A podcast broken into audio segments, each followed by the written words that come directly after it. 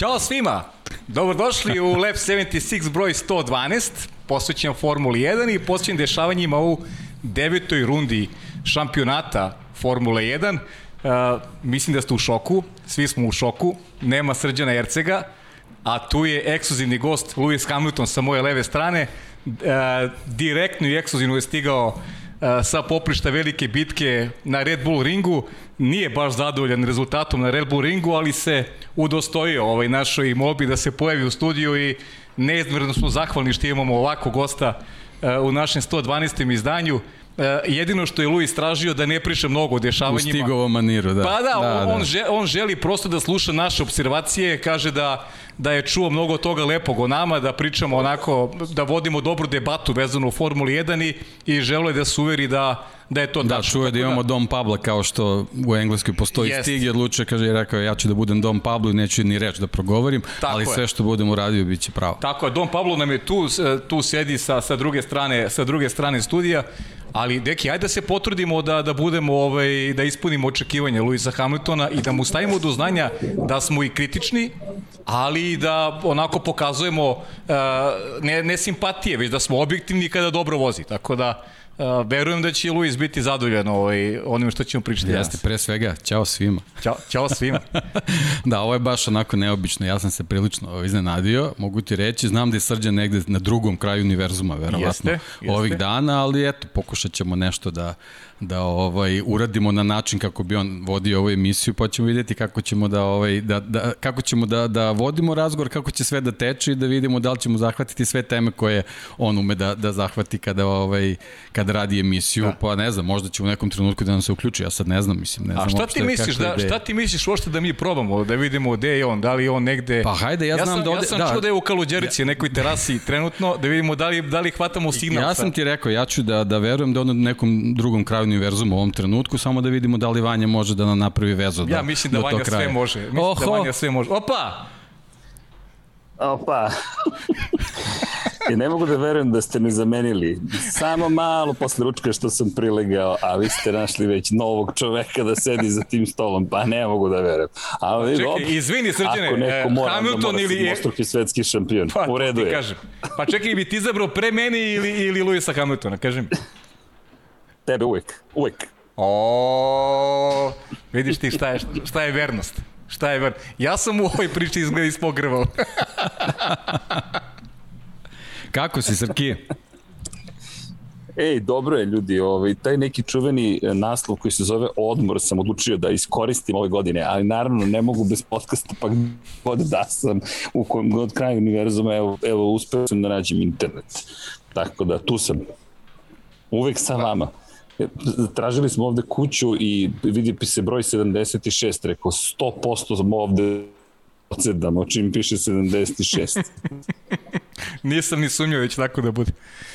Čekaj, od, odakle ćemo krenemo? Ovaj, Austrija opet jedna, jedna sjajna trka na Red Bull ringu i ono što smo negde konstovali i kod, i kod prenos. Pa. pa dominacija. To je sad već može, može da se priča o dominaciji. E, pre svega Maxa Verstappena, pre Red Bulla, jer ova trka je baš onako bila poprilično dominantna i Max je rešio bukvalno ulaskom u prvu krivinu, više se nije postavilo pitanje oko toga ko će da pobedi i šta će biti epilog trke. A šta smo se pitali prošli put, šta mi je bio naslov? Poker. Ovoga puta baš je pao poker. Pet istih i mislim da je super ispao i naslov i pozdrav za Bogdana koji je napravio thumbnail. Četiri Maxa Verstappena, to je poker Maxov i Joker u vidu Serhija Perez. Baš je pravi Joker. Povremeno se pojavi, povremeno se ne pojavi i ovo što smo pričali, prošli put si rekao nije ovo dominacija, ali kao što si sad rekao, u prvoj krivini već smo znali, što dosta podsjeća na period koji iza nas baš sa gospodinom u, u, za centrom stola, da, na, na to da znaš ko će da pobedi posle 71. kruga. Jeste. Gospodin, gospodin Hamilton sluša pažljivo, ne učestvuje u razgovoru i možda se na kraju ipak nešto ovaj oglasi, možda nam kaže koju reč. Deki, ti, kako ti gledaš celu priču ovaj, vezanu za, za ovu pobedu Maxa Verstappena i da, da, dešavanja na stazi? Pa znaš kako, vezano za Maxa ne treba tu puno opisivati, treba samo nabrojati šta je čovjek uradio tokom ovog trkačkog vikenda, pol pozicija, vodstvo u svim krugovima tokom trke, najbrži krug, pobeda. To je stvarno ovaj učinak a, ravan učinku vozača koji se nalaze u zaista dominantnim ekipama. A Red Bull je tu nekom, nekoj, nekoj seriji pobeda gde je ovo samo bio jedan onako šlag na, šlag na torti što se tiče izdanja Maxa Verstappena i tu stvarno nema, nema šta mnogo da se, da se priča vrhunsko izdanje, vožnja bez greške, apsolutno sve uradio kako je, kako je trebao da urodi. Naravno, ne smemo da zaboravimo izuzetno, izuzetno važna stvar za sve nas, 130.000 gledalaca da. na tribinama, nije mogo da izabere bolje mesto za, za takvo izdanje. Mm. A ono što pričamo stano, Srki, pritisak, on je mlad momak, nosi to vrlo dobro ove godine. Mislim da su one prethodne sezone mnogo pomogle E, da on e, spremno dočeka situaciju kada se prvi put e, nalazi u prilici da osvoji šampionsku titulu. Ima još mnogo toga da se vozi, ovo je tek deveta runda, ne odustajemo od toga da će se Lewis Hamilton priključiti, to je, mislim, ostati u toj borbi za, za titulu, jako je sada razlika preko 30 poena, ali mislim da Lewis zaista, pa pardon, Max, jako dobro nosi to breme favorita koji ima sada na leđima i, i deluje neko mirno staložen. On, on uopšte ne pokazuje emocije ni po završetku trka. Kao, kao da je prirodno da, da na ovakav način uh, savlada uh, i pobeđuje rivala kao što je Luis Hamilton. Pa pa Deki isto i, i, i gost naš, vaš. Pa, par stvari. Pričamo, Grand Slam je rekao Deki kada smo pripremili emisiju rekao Grand Slam i to je baš to, pet istih Grand Slama Maxa Verstappena pored toga setit ćemo se ovo što si ti rekao šta je Fernando Alonso pričao priprema za narednu sezonu i tvoj lapsus kada si sada rekao Luis šta je učinio. Ovo što da. je sada Verstappen učinio je nešto na što smo navikli da Hamilton radi u hibridnoj eri. Ali da se vratim, da idemo nazad. Seti se šta je rekao Alonso pre, pre par trka. Pri, dok, kada nemate pobjednički šampionski bolid, svaka trka je važna jer vas priprema za moment kada ćete doći u posed šampionskog, to je pobjedničkog bolida. I mislim da si baš lepo rekao sve što je iza Verstappena, mislim da ga pripremilo za ovu sezonu. Kada pogledaš koliko je ozbiljan, čak i uz dominaciju kvalifikacijama, pobegom mu jeste osmeh, ali on čovek je potpuno smiren i kontrolisan, ok, još nije završen posao, što i govori koliko je teško dobiti Hamilton i Mercedes. I ovo Deki što rekao, samo što se tiče Grand Slamova, u istoriji Formule 1, Jim Clark osam puta je to postigao, nevjerovatni Jim Clark. Lewis Hamilton šest svu dominaciju Mercedesa ukupno šest puta. Alberto Ascari, Michael Schumacher po pet puta, Jackie Stewart, Ayrton Senna, Nigel Mansell, Sebastian Vettel po četiri puta, Nelson Piquet tri puta, Jack Brabham i Mika Hakkinen samo dva puta u karijeri su imali Grand Slam. I onda Mike Hopper, legendarni Mike the Bike, zapravo Stirling Moss, Joe Seifert, Jack X, Claire Gazzoni, Niki Lauda, Jacques Lafitte, Gilles Villeneuve, Gerhard Berger, Damon Hill, Fernando Alonso ima jedan Grand Slam u karijeri i sada Max Verstappen. Mislim da to dovoljno govori šta smo videli ovog vikenda. Da, ne, ovo, ovo sad što si pročitao, posebno, uh, čak i vezano za ove vozače što imaju samo po jedan Grand Slam. Kad vidimo koje su tu imena, shvatiš da. stvari koliko je to zaista teško postići, tako da, da sad ovaj maksov rezultat od ovog trenutka dobije još neku novu konotaciju, zaista. Da, ovde smo, očekivali smo neko na Red Bull ringu da, da, da, da Red Bull bude možda i blago favorizovan u odnosu na Mercedes, ali mi imamo, iza nas imamo dve trke gde, je Max pokidao žargonski rečeno. Stvarno je odvezao fantastične trke i vidimo da se Mercedes ozbiljno muči. E, nemaju tempo, nemaju brzinu na pravcima. E, ovaj rezultat Luisa Hamiltona je dramatično loš. On je pritom imao neki problem, očigledno, ne očigledno, nego imao je problem. Znamo sada da imao problem i e, Mercedes nije mogao da, da mu čuva poziciju sa Valterijem Bottasom, jer ko zna Pa da, kažu da, eto, da je toj krivini 10 uzjahao taj Ivičnjak, Ivičnjak, da, je, da. da je ovaj, bukvalno oštetio boli toliko da je 30% performansi izgubio.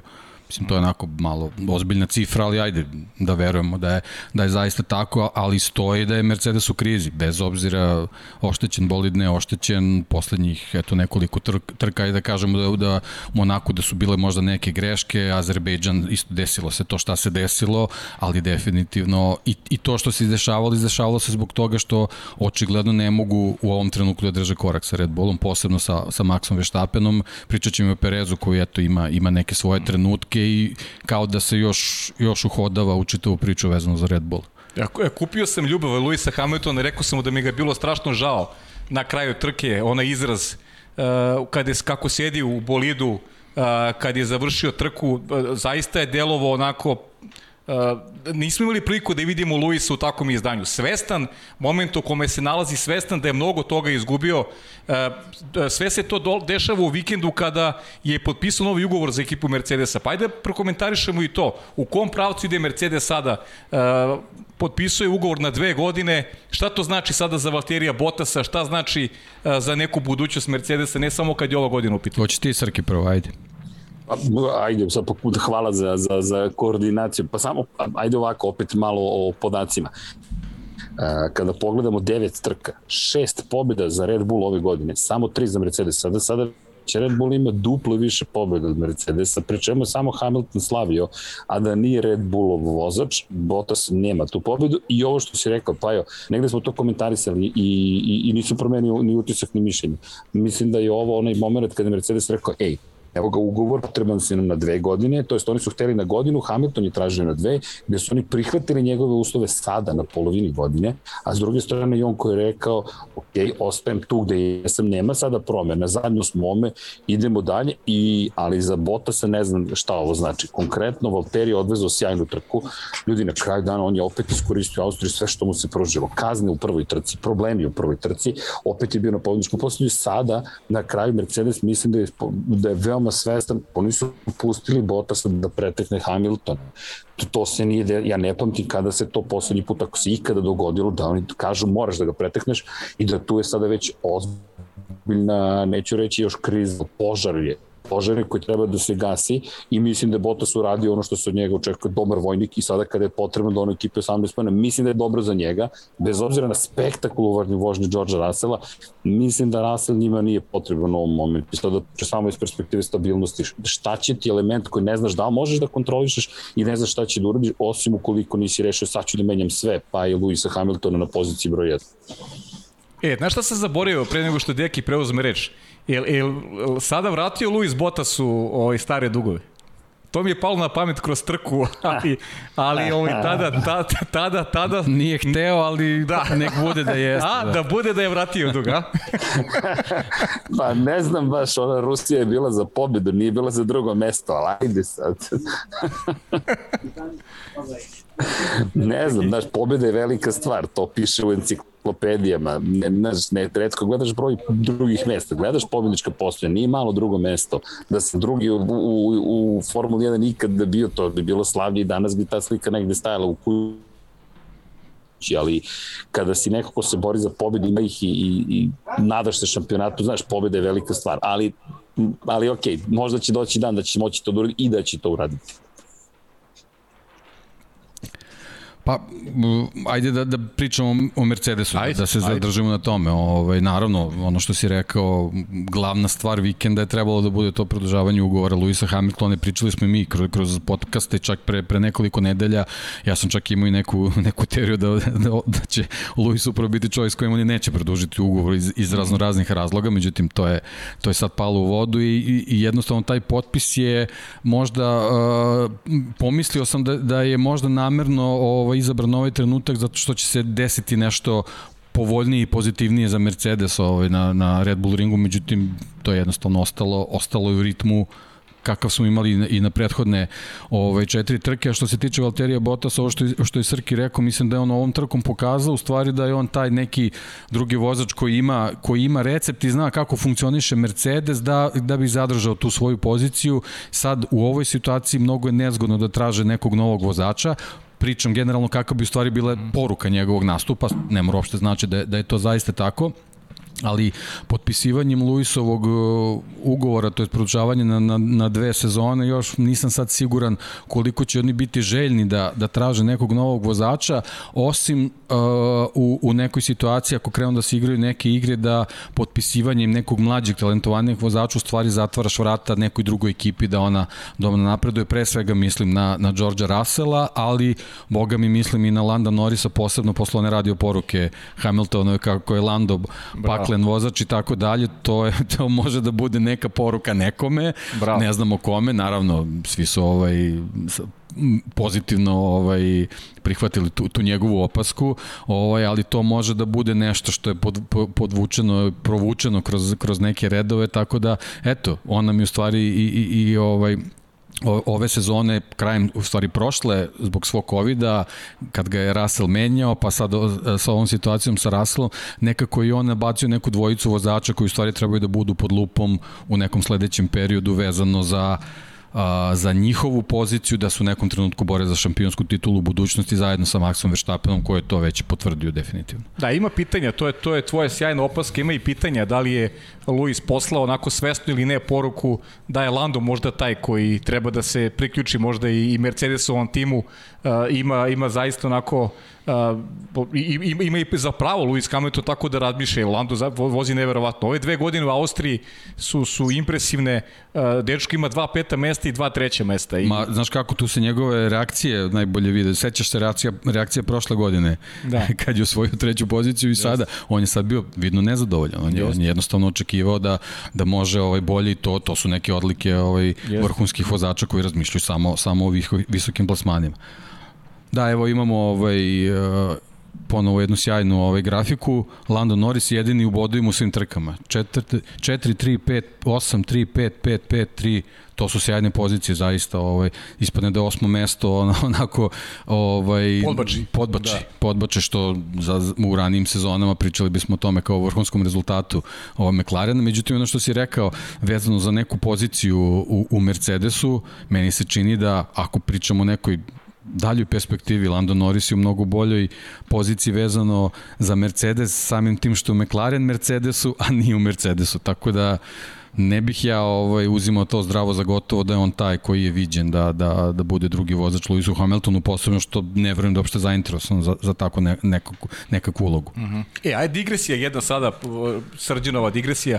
A, nismo prokomentali, mislim, opremili smo se lepo Uh, čekaj, čekaj, kao... to, to je moja, to je moja rečenica, stani. Jeste tvoja, da. Ali znaš zašto? Izgledamo, pazi, kao, kao da smo na Red Bull ringu. Tu nam je holandska zastava, a sad će neki da nam kaže ko je zaslužan što imamo holandsku zastavu u studiju, dakle posle me meksičke, evo u našem studiju holandske zastave. Pa... E, upravo sam to hteo da, da. kažem, ovaj, kad si spomenuo meksičku zastavu, često zaista imamo ovaj, nesebične pomoći od, od raznih ljudi i organizacija, kad je, kad je Perez prvi put pobedio, imali smo ovaj, veliku pomoć Meksička ambasada, ovoga puta u susretnem izašla holandska ambasada i ovom prilikom pozdravljam Martina Jelenu i čitavu ekipu holandske ambasade koji su onako izašli u, u susret i ekspresno nabavili jednu zastavu da, da, da barem s njom prenesemo delić, atmo, ne delić, to je mikron atmosfere kako je, kako je bila situacija na Red Bull ringu sa, sa onim dimnim bombama i, i, i tribinama u naravno, stvarno je bilo fenomenalno. A, ovaj, a samo da dodam samo još jednu stvar, ovde na stolu vidimo ove Red Bulletine, to su magazini ovaj, uh mhm. -huh. Red Bulla čuveni, oni se izdaju bukvalno tokom trkačkog vikenda svaki dan ujutro ovaj, mogu da, da, da se uzmu novi besplatni primjerice, se čitaju, vidimo naslovne strane, naravno vezane su za, za Maxa, Serhija, za, za Red Bull, to nam je pa, donao... I za Tota Wolf. I za Tota Wolfa, da, to sam ti dao na poseban primjerak da, da počitaš, dobro. a inače primjerke smo dobili od Andrija Sakovića, našeg dragog prijatelja, fotografa koji je naravno bio ovaj, u Štajerskoj na, na, oba, na oba trkačka vikenda, friški su stigli ovi Ovo, red, red bulletini, a, a, iza, a iza našeg gosta vidimo ovaj jedan plakat, to je bukvalno aktuelni plakat sa, sa poslednje dve velike nagrade, tako da hvala Andriju, hvala Holandskoj ambasadi, hvala svima što nam pomažu da eto scenografiju obogatimo, da napravimo zanimljivom i, i drugačijom da. iz, iz podcasta u podcast. A pritom ne provociramo gosta, nego ne prosto, provociramo, apsolutno ne. želimo da apsolutno damo značaj i pobedi. Takva je situacija, tako Srki, imaš reč, izvoli, nešto ti teo kažeš. E, vidi, zlopotrebljavate situaciju što sam preko Zuma, ne mogu da vam upadnem u reč, znači, deki me oladio na sekund, razumeš, ali okej, okay, vratit ću se ja. A, ali sam teo da kažem za, za ovo što si spomenuo. Ljudi, ja sam se naježio kada je počinjala trka, imali smo sreće da smo ušli u prenos nekih 15 minuta skoro ranije nego što je bilo da. planirano. Da, tako se oslobodilo zapravo prenos pre nas je završen nešto ranije i režija je odmah rekla ulazimo i pa ja ulazimo.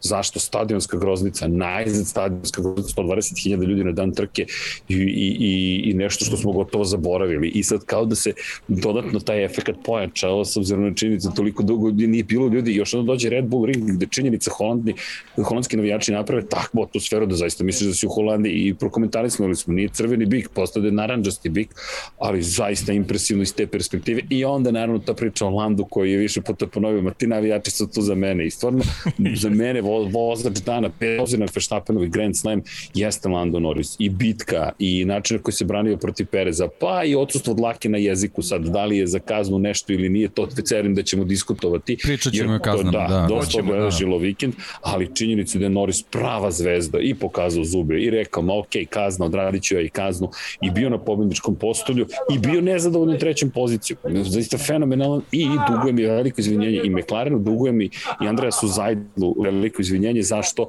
Pa sumnjao sam da privatni tim može da ugrozi fabriku ekipu. Ljudi, McLaren je sada pobedio Mercedes i u kvalifikacijama, suštinski u trci, da nije bilo oni kazne Norrisove, bili bi ispred Bottasa, ako ne, sigurno onda bi se makar borili do, do, do poslednjeg sekunda.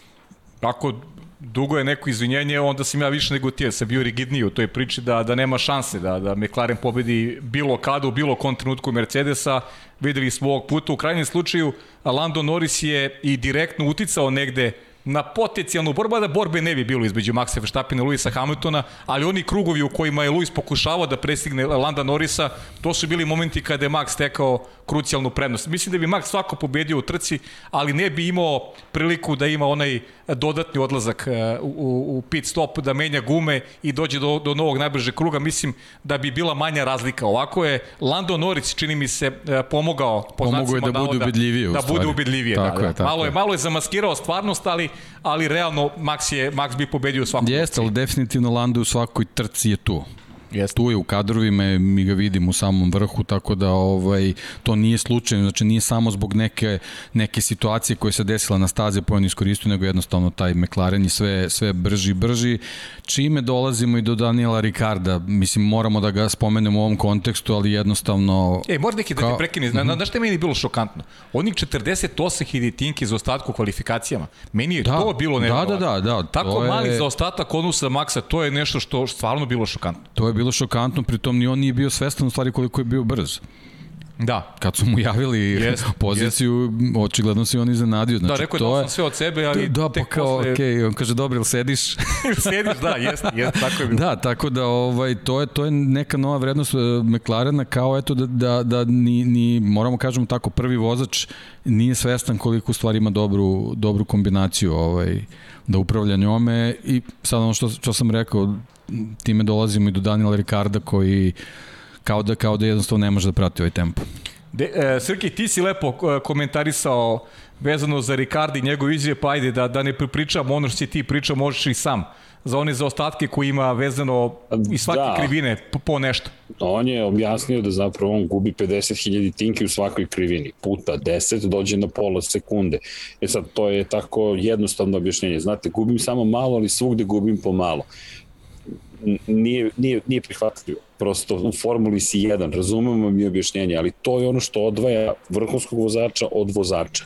Tih 50.000 tinki, to ti kao u sprintu, spustio si vreme ispod 11 sekundi, ok, spustio si vreme ispod 11 sekundi, a da li možeš još onu jednu sekundu da nađeš da spustiš od 10 sekundi i tu je u ogromnom problemu Daniel Ricardo. Ono što je poseban problem što ne zna šta treba da uradi. On ima podatke Landa Norisa, rekao je prilagodit ću stil vožnje onome što radi Lando, međutim ono što mislim, mislim neka, kao zrak optimizma, optimizma za, za Ricarda je da on ima tempo u trci zapravo Duterte nije toliko daleko u odnosu na Norisa, ali njegove kvalifikacije su toliko katastrofalne da dok on dođe do, do izdrža, dok dođe do izdrža njegova štednja guma, već je kasno. Mislim, to je moj utisak i, i, i, i nadam se da, da, da, da, da to jeste istina, nekako možda se slab prema Ricardu, ali ne znam, Zajdl nije baš čovek koji će, koji će dugo čekati na Ricarda. Ricardo je pritom mnogo plaćeniji od Morisa. Moris se njima po uloženom centu ili dolaru ili funti mnogo više isplati.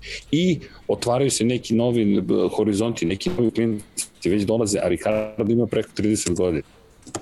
E, u tobi jeste problem što smo mi svi bolećivi kad je Ricardo, Ricardo u pitanju i gledamo i kroz tu, kroz tu neku prošlost.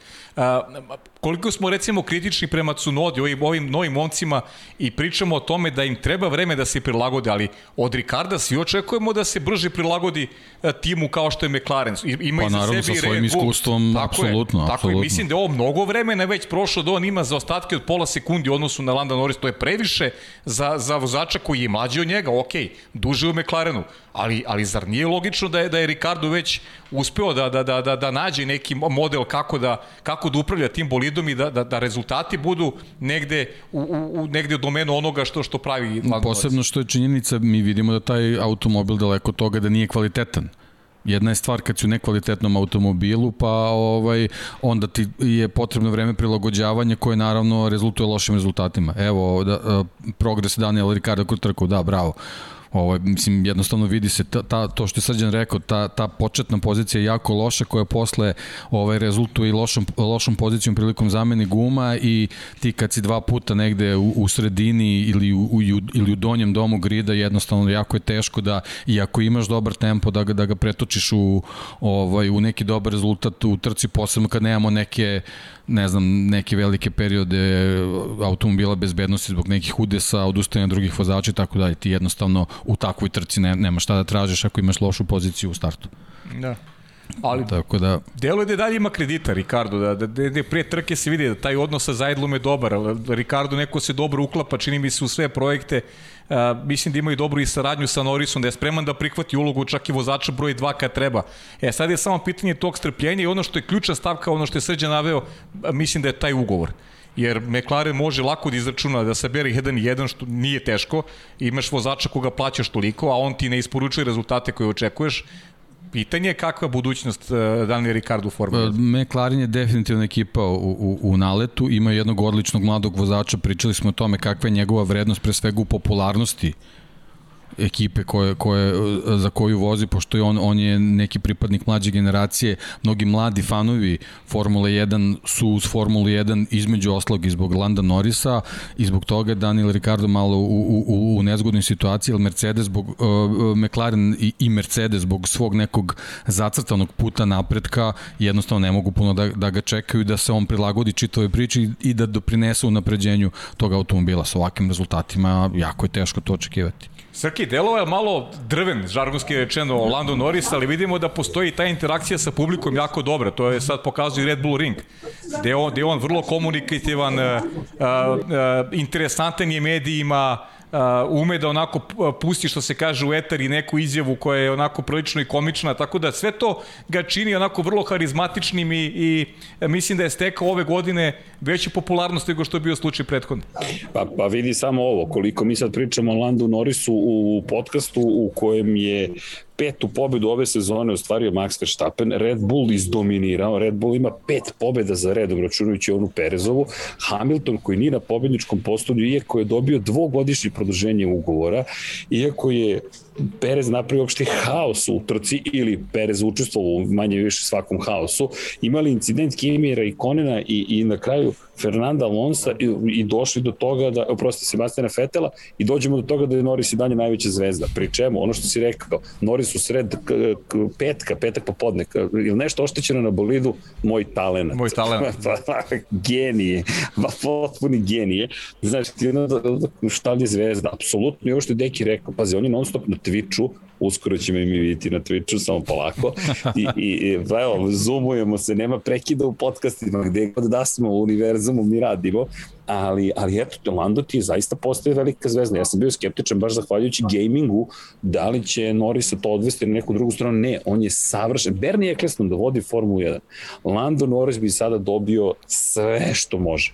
Svu medijsku pokrivenost, Britanac, U McLarenu stara ekipa koja se vraća u vrh, novi klinac tvičuje, privlači novu publiku, a ima stari kov, e, koristi terminologiju u, u konferencijama koju nije baš svojstvena novijoj generaciji, ne, ne govorim ništa loše, prosto uče klince od malih nogu da neke stvari ne govore, on je to prešao preko toga, šali se na svoj račun, i u malo nije bio na pol poziciju privatnom bolidu. Ne, ne, nema šta više. Bernie Eccleston bi ga obožavao, verovatno ga i ovako obožava. Tako da Lando, iako je Verstappen zabeleži tu pobedu, nekako ispade najveća zvezda ovog vikenda. I mislim da smo mi svi dobili veliku zvezdu. Kako ne? Pa do, Max je pobedio u Hamiltonskom stilu, a mi taj stil već godinama onako pokušavamo pa da, da da ne bude onako prioritetan u Formu 1, sad imamo... Čekaj, kad ćemo da zakukamo Novo Hamilton. Pa izgleda da, da je došlo vre... Nećemo dugo da čekamo za, za kukanjem.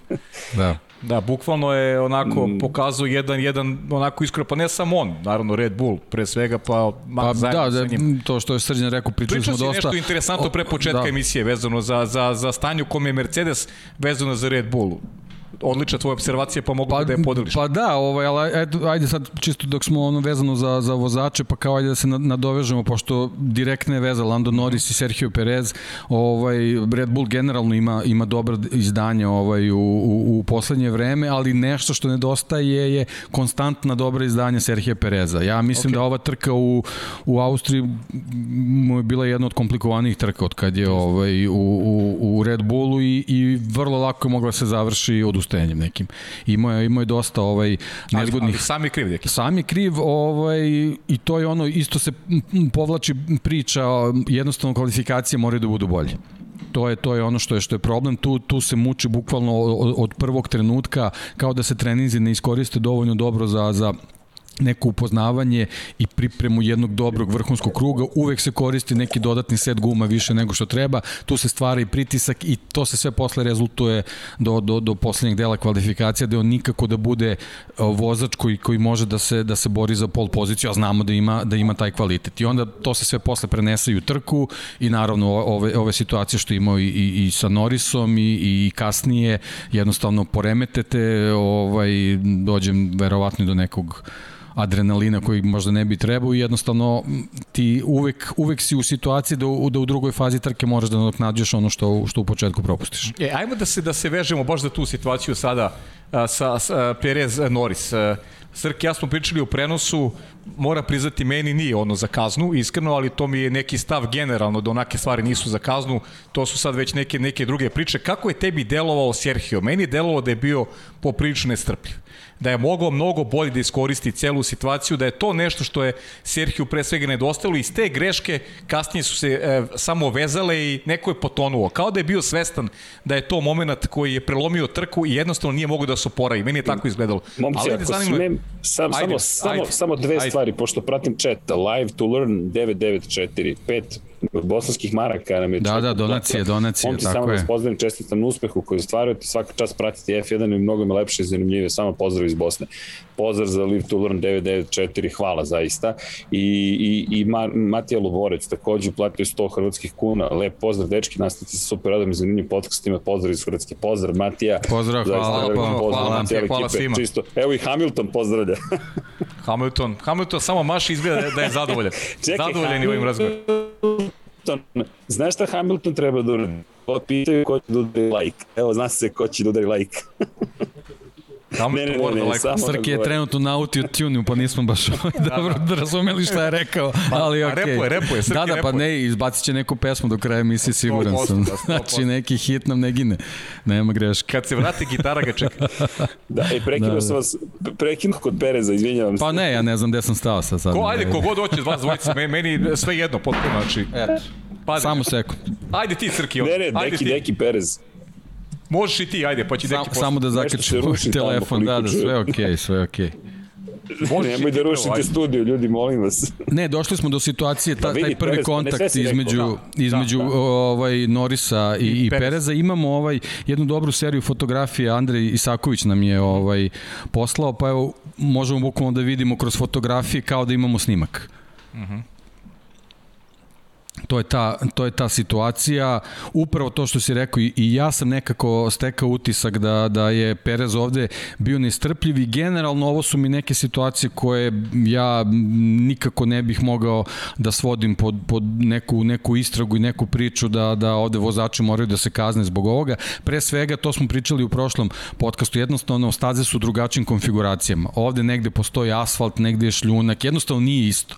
I, i jako je teško da, da ti sad otvoriš kao neku knjigu pravila i da na osnovu toga nekom dodeljuješ neke kazne. Jednostavno ove ovakve situacije e, ne može samo da bude kriv jedan vozač. Upravo to što se rekao u ovoj situaciji, mislim da je Sergio Perez bio malo nestrpljiv, može ovde malo da se popusti gaz, da se prođe krivina normalno, da bi već u nekoj sledećoj mogu da imaš dobar tempo. Ovako si, ovde si praktično izgubio svoju poziciju koju si trebao da imaš na trci, koju ekipa očekuje tebe. I tako kreće taj pritisak, postano za Red Bullove vozače. Jeste. Srki,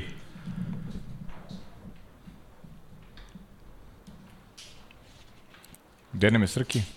na nekom drugom kraju univerzuma je... Samo jedna stvar, ako da. možemo Ajde. da iskoristimo ove Andrejeve fotografije, ako Vanja možeš ponovo da pustiš sekvenciju, molim te, pogledajte sada. Čujete, ne čujete? Čujemo, čujemo, čujemo. Ne, sekvenca. Obratite pažnju na ovo, sad ja ne znam da li se, e, ako vratite da vidite Norisovu putanju i ako vratite da vidite Botasovu putanju, koliko Botas prolazi šire s jedne strane, koliko Noris takođe prolazi široko, Noris ovde ide do potpunosti da zatvori taj prolaz. Znači on čovjek odbrani i ako pogledate Hamiltonovu putanju i sad Perez, ne, ne, više bih volio da ih ne kažnjava, što je Deki rekao, konfiguracije staze su drugačije, široki su bolidi veliki, međutim, niti Norris hoće da pusti ono što je Norris rekao na kraju. To je glup manevar iz njegove perspektive, ali on je imao prostora tu da pusti. Kasnije su se tu trkali Alonso i Raikkonen i nije bilo incidenta. Sad, ne kažem da je ovo za kaznu, ali činjenica je da, da zahteva malo da, da, da razmislimo o tome. I Norris je otišao široko, i Perez je otišao široko, ali mislim da, da, da takođe kažnjavati odmah u trci, da je to zaista problematično. Sesti i reći, ok, ljudi, kako definišemo situacije? Ne setite se Imole, Verstappen kada je branio poziciju, kada je startovao treći i napao Hamiltona, isto mu nije dao prostor, nije mu dao da mrdne, nigde nije bilo kazne. I sad, jel to, ako to nije za kaznu, kako je ovo za kaznu? A nije problem, bilo drastično znači, zato što tamo nije bilo šljunka. Da je Hamilton otišao u šljunak, yes. verovatno mi se razmatrala neka kazna, ali problem je što smo mi na ovoj trci pre e, ove situacije to. imali situaciju situaciju da se Leclerc i Gasly da su se, imali su kontakt, jedan bolid je oštećen, oni su bukvalno posle, nije pola kruga po, prošlo, oni su donali odluku da nema razloga da se razmatra bilo kakva situacija za kaznu. Ja nisam ni u toj situaciji za kaznu, razume se, ali jednostavno kako u jednoj situaciji o, o, vrlo brzo doneseš odluku da ne treba da, da, da se sprovodi bilo kakva isla, istraga, Jasne. u sledećoj situaciji jako brzo doneseš odluku ka, o, o kazni i onda naravno to, onda krene lančana reakcija kroz trku gde se jednostavno sudije pogubi u čitavoj priči. To, to je meni samo što je sporno. Znači, ne ulazimo u ovu situaciju uh, da li, da li je sad Lando kriv ili ne, ne znam kako god, kako god to da se nazove, ali jednostavno a, konfiguracija sta, staze je takva da, da ovakve stvari kad, kad je u, u, u borba za poziciju jednostavno mogu se dešavaju. Jeste. Nema prosto ono što, što govorimo, nema tih uniformisanih pravila i što se ne tumači svaka situacija. Nisu staze uniformisani nisu, dalje. Tako i nisu staze, jest, jest, da, i onda, i onda dolazimo do ovakvih momenta kada kada prosto nema, nema, nema jasno definisanog, definisanog stava, da kažem, i, i priče koje bi oblikovala ono što, što je, što je odluka. To ti je taj, kod uvek si Kaži, uvek si nekako u, u lošem položaju, a želimo tvrdo trkanje, želimo žestoko trkanje, a onda s druge strane kad se desi žestoko trkanje, odmah pljušte kazne i odmah se traži krivac, pa sad šta hoćemo? Hoćemo tvrdo trkanje, nećemo tvrdo trkanje, pa i bismo, ali nekako da ne bude toliko tvrdo, a da opet ako može da ne bude opasno, pa po, po prirodi stvari je opasno. To je baš to, e, to, to je situacija. Suština, to je suština, to je opasno, je generalno je opasno i, i od toga ne može da pobegne niko, to je opasno. I sada tražimo da tražimo u ovakvim situacijama, mislim da mislim da da nije da nije pošteno. Ja ja ja tako gledam sad. Postoji da se, postoji da onaj čuveni čuveni snimak borbe Arnua i Vilneva iz Dijona, mislim da je 78. godina bilo u pitanju bukvalno je bila borba za pobedu u posljednjem krugu, da, da svako ko može nek pogleda da vidi a, kako se dva džentlmena vozača bore za poziciju u takvoj situaciji gde je staza uska, gde nema mesta za njih dvojicu, gde pri tom sigurno ima dve, tri dva, tri detalja gde bi u današnjoj perspektivi oni bili kažnjeni, jedan ili drugi. Tako da tu bismo izgubili tu borbu i ta recimo njihova borba više nikad ne bi bila legendarna kao, kao što je ostala. Naravno, Uh, apsurdno je pričati uh, na, na takvoj vremenskoj distanci o nekim trkama iz sredine prošlog veka i, i sa današnjim bolidima i sa današnjim pravilima, ali jednostavno to je nešto gde bi možda ta, ta sudijska komisija mogla malo da, da, da jednostavno uh, uh, podvuče crtu uh, šta je stvari pravo trkanje, a šta je neka situacija da neko namerno nekog želi da izbaci sa stazi tako dalje tako da, dalje. Ovo razlika, ja da. ne mogu ne mogu da da steknem utisak da je neko namerno uradio da da izbaci vozača sa staze. Eto jednostavno to je to. A on je toliko pozicija izgubio jednostavno zato što je konfiguracija staze takva. Ljudi, mi kad dođemo da radimo na, na, na samu stazu, mi potpisujemo dokument u kojem se, od, u kojem se odrećemo odgovornosti, to jest potpisujemo da niko od organizatora, niti Međunarodna motociklistička ili automobilska federacija, niti Dorna, niti FOM, niti FIM nisu odgovorni za našu bezbednost. E, time što ste u medijskom centru, vam je život ugrožen. Time što stojite pored ograde, vam je život ugrožen. Time što ste ušli u pit lane, vam je život ugrožen. U garaži, život je ugrožen. Prosto sve smo uziš u to. Ja se ne šalim, mi mi nismo ugroženi koliko vozači ili ljudi koji rade u garažama, a ti si svestan kada si na stazi, bukvalno dobiš pa, dokument pravni, potpišeš i kažeš neće ni, ni moja porodica, ni moji naslednici, niko u, u bilo kakvom pravnom odnosu sa mnom nema prava da tuži organizatore za povrede se meni desi. Mi znamo, još što si neki mislim da si opisao suštinu, da li postoji namera da nekog ugroziš ili prosto to je žar trkanja. Trkanje samo po sebi je opasno, ne možemo da pomogu toga. Ne želimo da bude opasno, nismo zbog toga tu, ali ono jeste opasno i prosto tako i mislim da je namera najvažnija stvar. Ali, pa, pa ni vozači ne žele da bude opasno. I neku U krajnjem slučaju. I oni žele da bude bezbedno. Pa niko nije zainteresovan za to. Tako je, ali, ali žele da pobede, da. trkaju se, prosto tu su da se trkaju. To, to pa su naravno, ali jeste opasno. Tako je. Pa, pa seti se Valterija Botasa prošle nedelje u Austriji u pit lane Mogu je da strada neko od mehaničara McLarena u, da, u onom momentu pa kada, kada je Bottas. Prosto se takve stvari je, dešavaju. Pa da, ne, ne možeš toga da pobegneš. To je teško.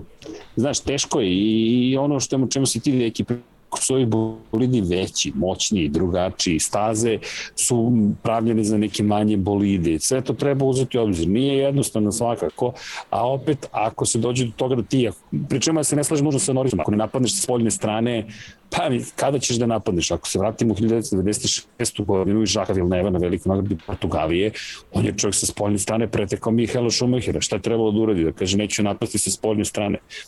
Prosto moraš da napadneš, to ti je posao, ti, ti si vozač. Ali, kada pogledaš širu sliku Perez da je sačekao samo malo, ne bi imao vjerojatno ni tu, ni onu sledeću kaznu. Da, to se popuno slažem. Da, da, da, cela priča se meni svodi na, na, na nestrpljenje Serhije Pereza i mogo je mnogo bolje u trku da odredi da je, da je to suština cele priče. Onda je u, Lando Norris je uh, kolateralna šteta u, u celoj priči, tako sam ja to doživeo, ali eto, nagradi, nagrađeni negde za, za dobru vožnju, kasnije uspeo da iskoristi te probleme koje imao Lewis Hamilton i ono što mi se dopao taj stav njegov posle trke, on je više kukao za drugim mesto nego što je slavio treće mesto i to je pokazatelj koliko je negde napredovo i koliko se njemu sad u glavi podrazumevaju dobri rezultati, tako da Eto, negde smo absolvirali onda, onda tu temu vezanu za, vezanu za, za incident između Pereza i, i imao je Perez kasnije... Pa kasnije sa Leclerom. Sa da, Leclerom. Da, da. Ista situacija manje više. Čak je možda i drastičnija nego, nego, nego, nego ova. Pa da, s tim što pa, dve uloge su praktično bile zamenjene. Da, da. da. da. Kaži Crki. I, I ono što je važno pomenuti, dve situacije imao. Zatvorio i prolaz između šeste i sedme krivine, zatvorio i prolaz kroz četvr, u četvrtoj krivini i manje više isto postupio kao Norris. Ima tu istinu da su sudije kažnjavale na ovoj, makar trci sve podjednako i kažnjavali su u Formuli 3 11 vozača kažnjih posle prve trke, baš su se nakažnjavali i to isto nije nešto baš što čini trkanje uzbudljim. Ti ja pa kad smo prenosili Formulu 3 drugu trku, mi smo sa rezervom zaključili šta se desilo, rekli ne znamo da li su ovo konačni rezultati. Ono je užas, Formula 3, to ćemo posjećemo o tome, ali ono zaista 11 kazni, ti više ne znaš e, ko je na kom mestu. Pa da, to ćemo pričati, ali ono što je Srke malo pre rekao, pa sam se podsjetio, u Formuli 3 nisu veliki bolidi kao u Formuli 1. Pa opet imamo situacije gde, gde bukvalno ti Bravo. ne znaš kakva je situacija na stazi. Tamo voze neki klinci koji učiš da su nekoj budućnosti ozbiljno dobro trkaju, kak, kakva su njihove, s kakvim predznanjima ulaze u svaku sledeću trku, da, da bilo koji manevar može da bude kažen da mu se upropasti trka, nekom da se upropasti karijera. Tako da to, to mora onako malo da, da se izdefiniše. Naravno, ja sam apsolutno za to da se, da se naprave trke da budu što bezbednije mo, moguće, apsolutno, ali jednostavno neke, neke situacije malo, malo ovaj, neki, neke teške oblake donosi, malo onako sve postane onako nezanimljivo. Ne možeš kažeš posle toga. trke da je vozač da. devet puta ušao prešao da. devetu krivinu i kao kažnjen zbog toga što je devet puta. Pa daj neko upozorenje, kazni ga u tokom trke. Pa da, ali onda imamo, vraćamo se opet na situaciju u Bahreinu gde, gde je Hamilton, Hamilton 20 jest. puta presekao krivinu, pa ništa. Znači, to su te neke situacije koje ti jedno...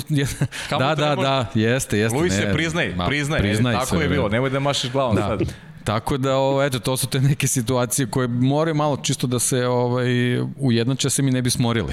to je ono u principu što je najvažnije. Da. Jer ti jednostavno ne znaš kako da tumačiš e, čitavu vidi, situaciju. Vidi ali čekajte, čekajte, nije, nije, ima tu stvari, ova trka, po, ima tu toliko lepih priča. Čekajte, a Ferrari, Carlos Sainz i Charles Leclerc što sarađuju zajedno, što Charles Leclerc pušta Carlosa Sainz jer je na boljoj strategiji, Sainz koji na kraju uspe to im je jedina opcija. Nema je drugu opciju. U, u manje 10 sekundi. Da, liči mi malo, dobro, liči okay, mi malo, liči mi malo Sainz i Leclerc na, na Sainza i Norris. Lepo sarađuju, izgleda Sainz sa svima lepo sarađuju. Da, da, da. Donese on tu nešto, ono kao razmišljajte malo dok vozite, da. Da. E, ali Sainz koji se javio i uradio u kvalifikacijama e, Landu Norrisu, to smo propustili da komentarišemo. I a, to mi je neverovatno da vozač druge ekipe se uključio i rekao i pozdravio ga. Mislim da mu je čak i rekao vamos i da, da, da ga je pozdravio. Ali su bili klubski kolege do prošle godine. A ne, neko je prokomentarisao navijača McLarena. Zamisli da je Sainz ostao. I u sav trening koji ima u McLarenu ove godine Sainz i Norris u ovom McLaren Mercedesu fu, McLaren da, bi bio da. mnogo opasan. To bi mnogo bolja kombinacija bila tako deluje. A izvini što Tako sam ti da rekao još na pola trke će biti peti Sainz. Dobro, nemoj da mi kažeš pravo, nema veze. Rekao si, a, vidi, a vidi momčila i Vanju. Dakle, o, mi možemo da budemo... Baš tancuju, baš tancuju. Gde god hoćeš. Nego meni e, ja, ja, ja, ja bih znao ne vidim ništa. Da li je Dom Pablo, da li je Dom Pablo čovek koji nosi tu kacigu? E, Ma kakav Dom Pablo, nema, nema veze, ovo je Lewis Hamilton. Rekli smo da je u duhu Pablo, Dom Pablo sve urađeno. Dom Pablo je sa druge, ali, sa druge strane. Dom Pablo ne može da sedne u tu fotelju, ljudi. Dom Pablo ima posla i obaveza, ne može da se bavi sedenjem tokom podcasta da ne radi ništa, to je jednostavno nemoguće. Ljudi, pitajte Luis ako želite nešto, ali rekao mi da će da odgovori naknadno, ne može da priča, ima zabranu od, od Mercedesa. I Luis je tu, novi Rosko ugovor, je tu, sve tu. Da, da, da, novi ugovor mu ovaj, ne da da, da priča. Javno ne dozvoljava, da. Da, da. Mora, mora pita Tota Wolf, a Wolf nije raspoložen trenutno. E, ali ljudi, ali a, a, bez sve šale, Ferrari na kraju izvukao maksimum iz onoga što Kako može, nije, to na stazi koja je brza. Ali to je ta Znam da saradnja. Znam to malo za Ferrari, ali čestito. Ne, ali, ali ta saradnja, ta saradnja što je, e, pričali smo tokom trke, jedina je šansa bila, Leclerc se videlo da ne može protiv Ricarda i jedina je šansa bila da Leclerc propusti na vreme Carlosa Sainz. I Sainz je rekao, zahvalio se i rekao je da će da sve od sebe do kraja, uspoje da pobedi e, Ricarda i da nadoknadi taj deficit u sekundama koji ima u odnosu na Perez, jer Perez imao je dve kazne od po 5 sekundi, tako da je na kraju uspeo za nekih nešto manje, čini mi se od oko desetinke, nešto manje desetinke, da na kraju dođe do petog mesta i Carlos Sainz je jedan od junaka ove trke, definitivno. Malo me posetio na Landa Norisa iz one druge trke u Austriji prošle godine. E, e, e tako mi izgledala ova trka Carlosa Sainz. Pa izvini, Kaži. zašto nismo konstatovali? On je pretekao Daniela Karda u njegovom prošlogodišnjem bolidu. Dakle, napustio je McLaren, rekli su mu što ideš iz McLarena, a on je sada McLaren Daniela Ricarda pretekao na samoj stazi. To smo zaboravili dimenziju tog duela, zapravo koliko je to veliko. Zamislili Ricardu kako je, pošto je uzeo bolid koji je bolji i onda ga Sainz pretiče u Ferrari. Nije mala stvar. Nije, ali složit ćeš se ipak da su, da su ovog puta gube odigrale malo jesu, veću jesu. ulogu, a ne, a ne jesu, boli. Ali opet, da, ali verujem da boli i dalje. Boli, Znaš. boli sigurno, pa dobro, ali... Boli. Inače, boli sigurno samo... posebno kad si nemoćan u čitoj situaciji, to je, to je da. najveći problem. Inače da pozdravimo 94 Mas, ne znam sad da li je za Masu, mada ima Seninu ikonicu, poslao je čovjek da 50 hrvatskih kuna, hvala. Ništa nije prokomentarisao, ali ako imate pitanje, tu smo, ako ne, opet hvala. Da, je prilika za Patreon, je li tako, Vanja? Jel možemo da, da vidimo U, kad smo da. već tu? Mhm. Uh -huh. Evo ga. Hoćemo da, da pročitamo imena. Ajde, ajde ti ja, ja ne vidim, naočara, tako da morate da, vas dvojica. Da, da. Paja nije stavio ja. naočare, tako da... Ja bih znao da Dekić da čita. Da.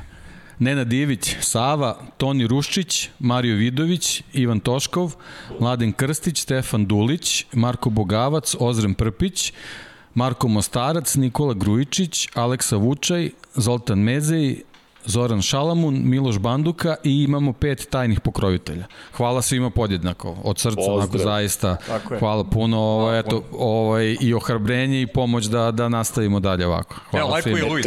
Da, da. Luise. To, to. Postavljajte Čekaj, pitanje, je Luis- pitajte sve što imate, Na to naravno. pisku. Mogu bi i Luis da to pa, Pa to bi, uf, to bi bilo, ne znam, ako pristane, ako mu dopadne misli do kraja, vidite. to bi bilo. Ako se Moramo dopadne, malo- moramo malo da ga hvalimo do kraja. Vanja, Kaži. mo, Vanja, to, to, to, u, pa čekaj, doći ćemo i toga, ali Vanja, možeš ono što smo se dogovorili dok smo retovali u pozadini, da pokažeš šta se desilo još na Red Bull ringu, koja prati Instagram, zapratite Instagram, evo ovoga puta Infinity Lighthouse-a, ali obratite pažnju, Vanja, jel možeš to, Vanja, šta mi da kažemo za Andreja Isakovića? Ja nemam reči.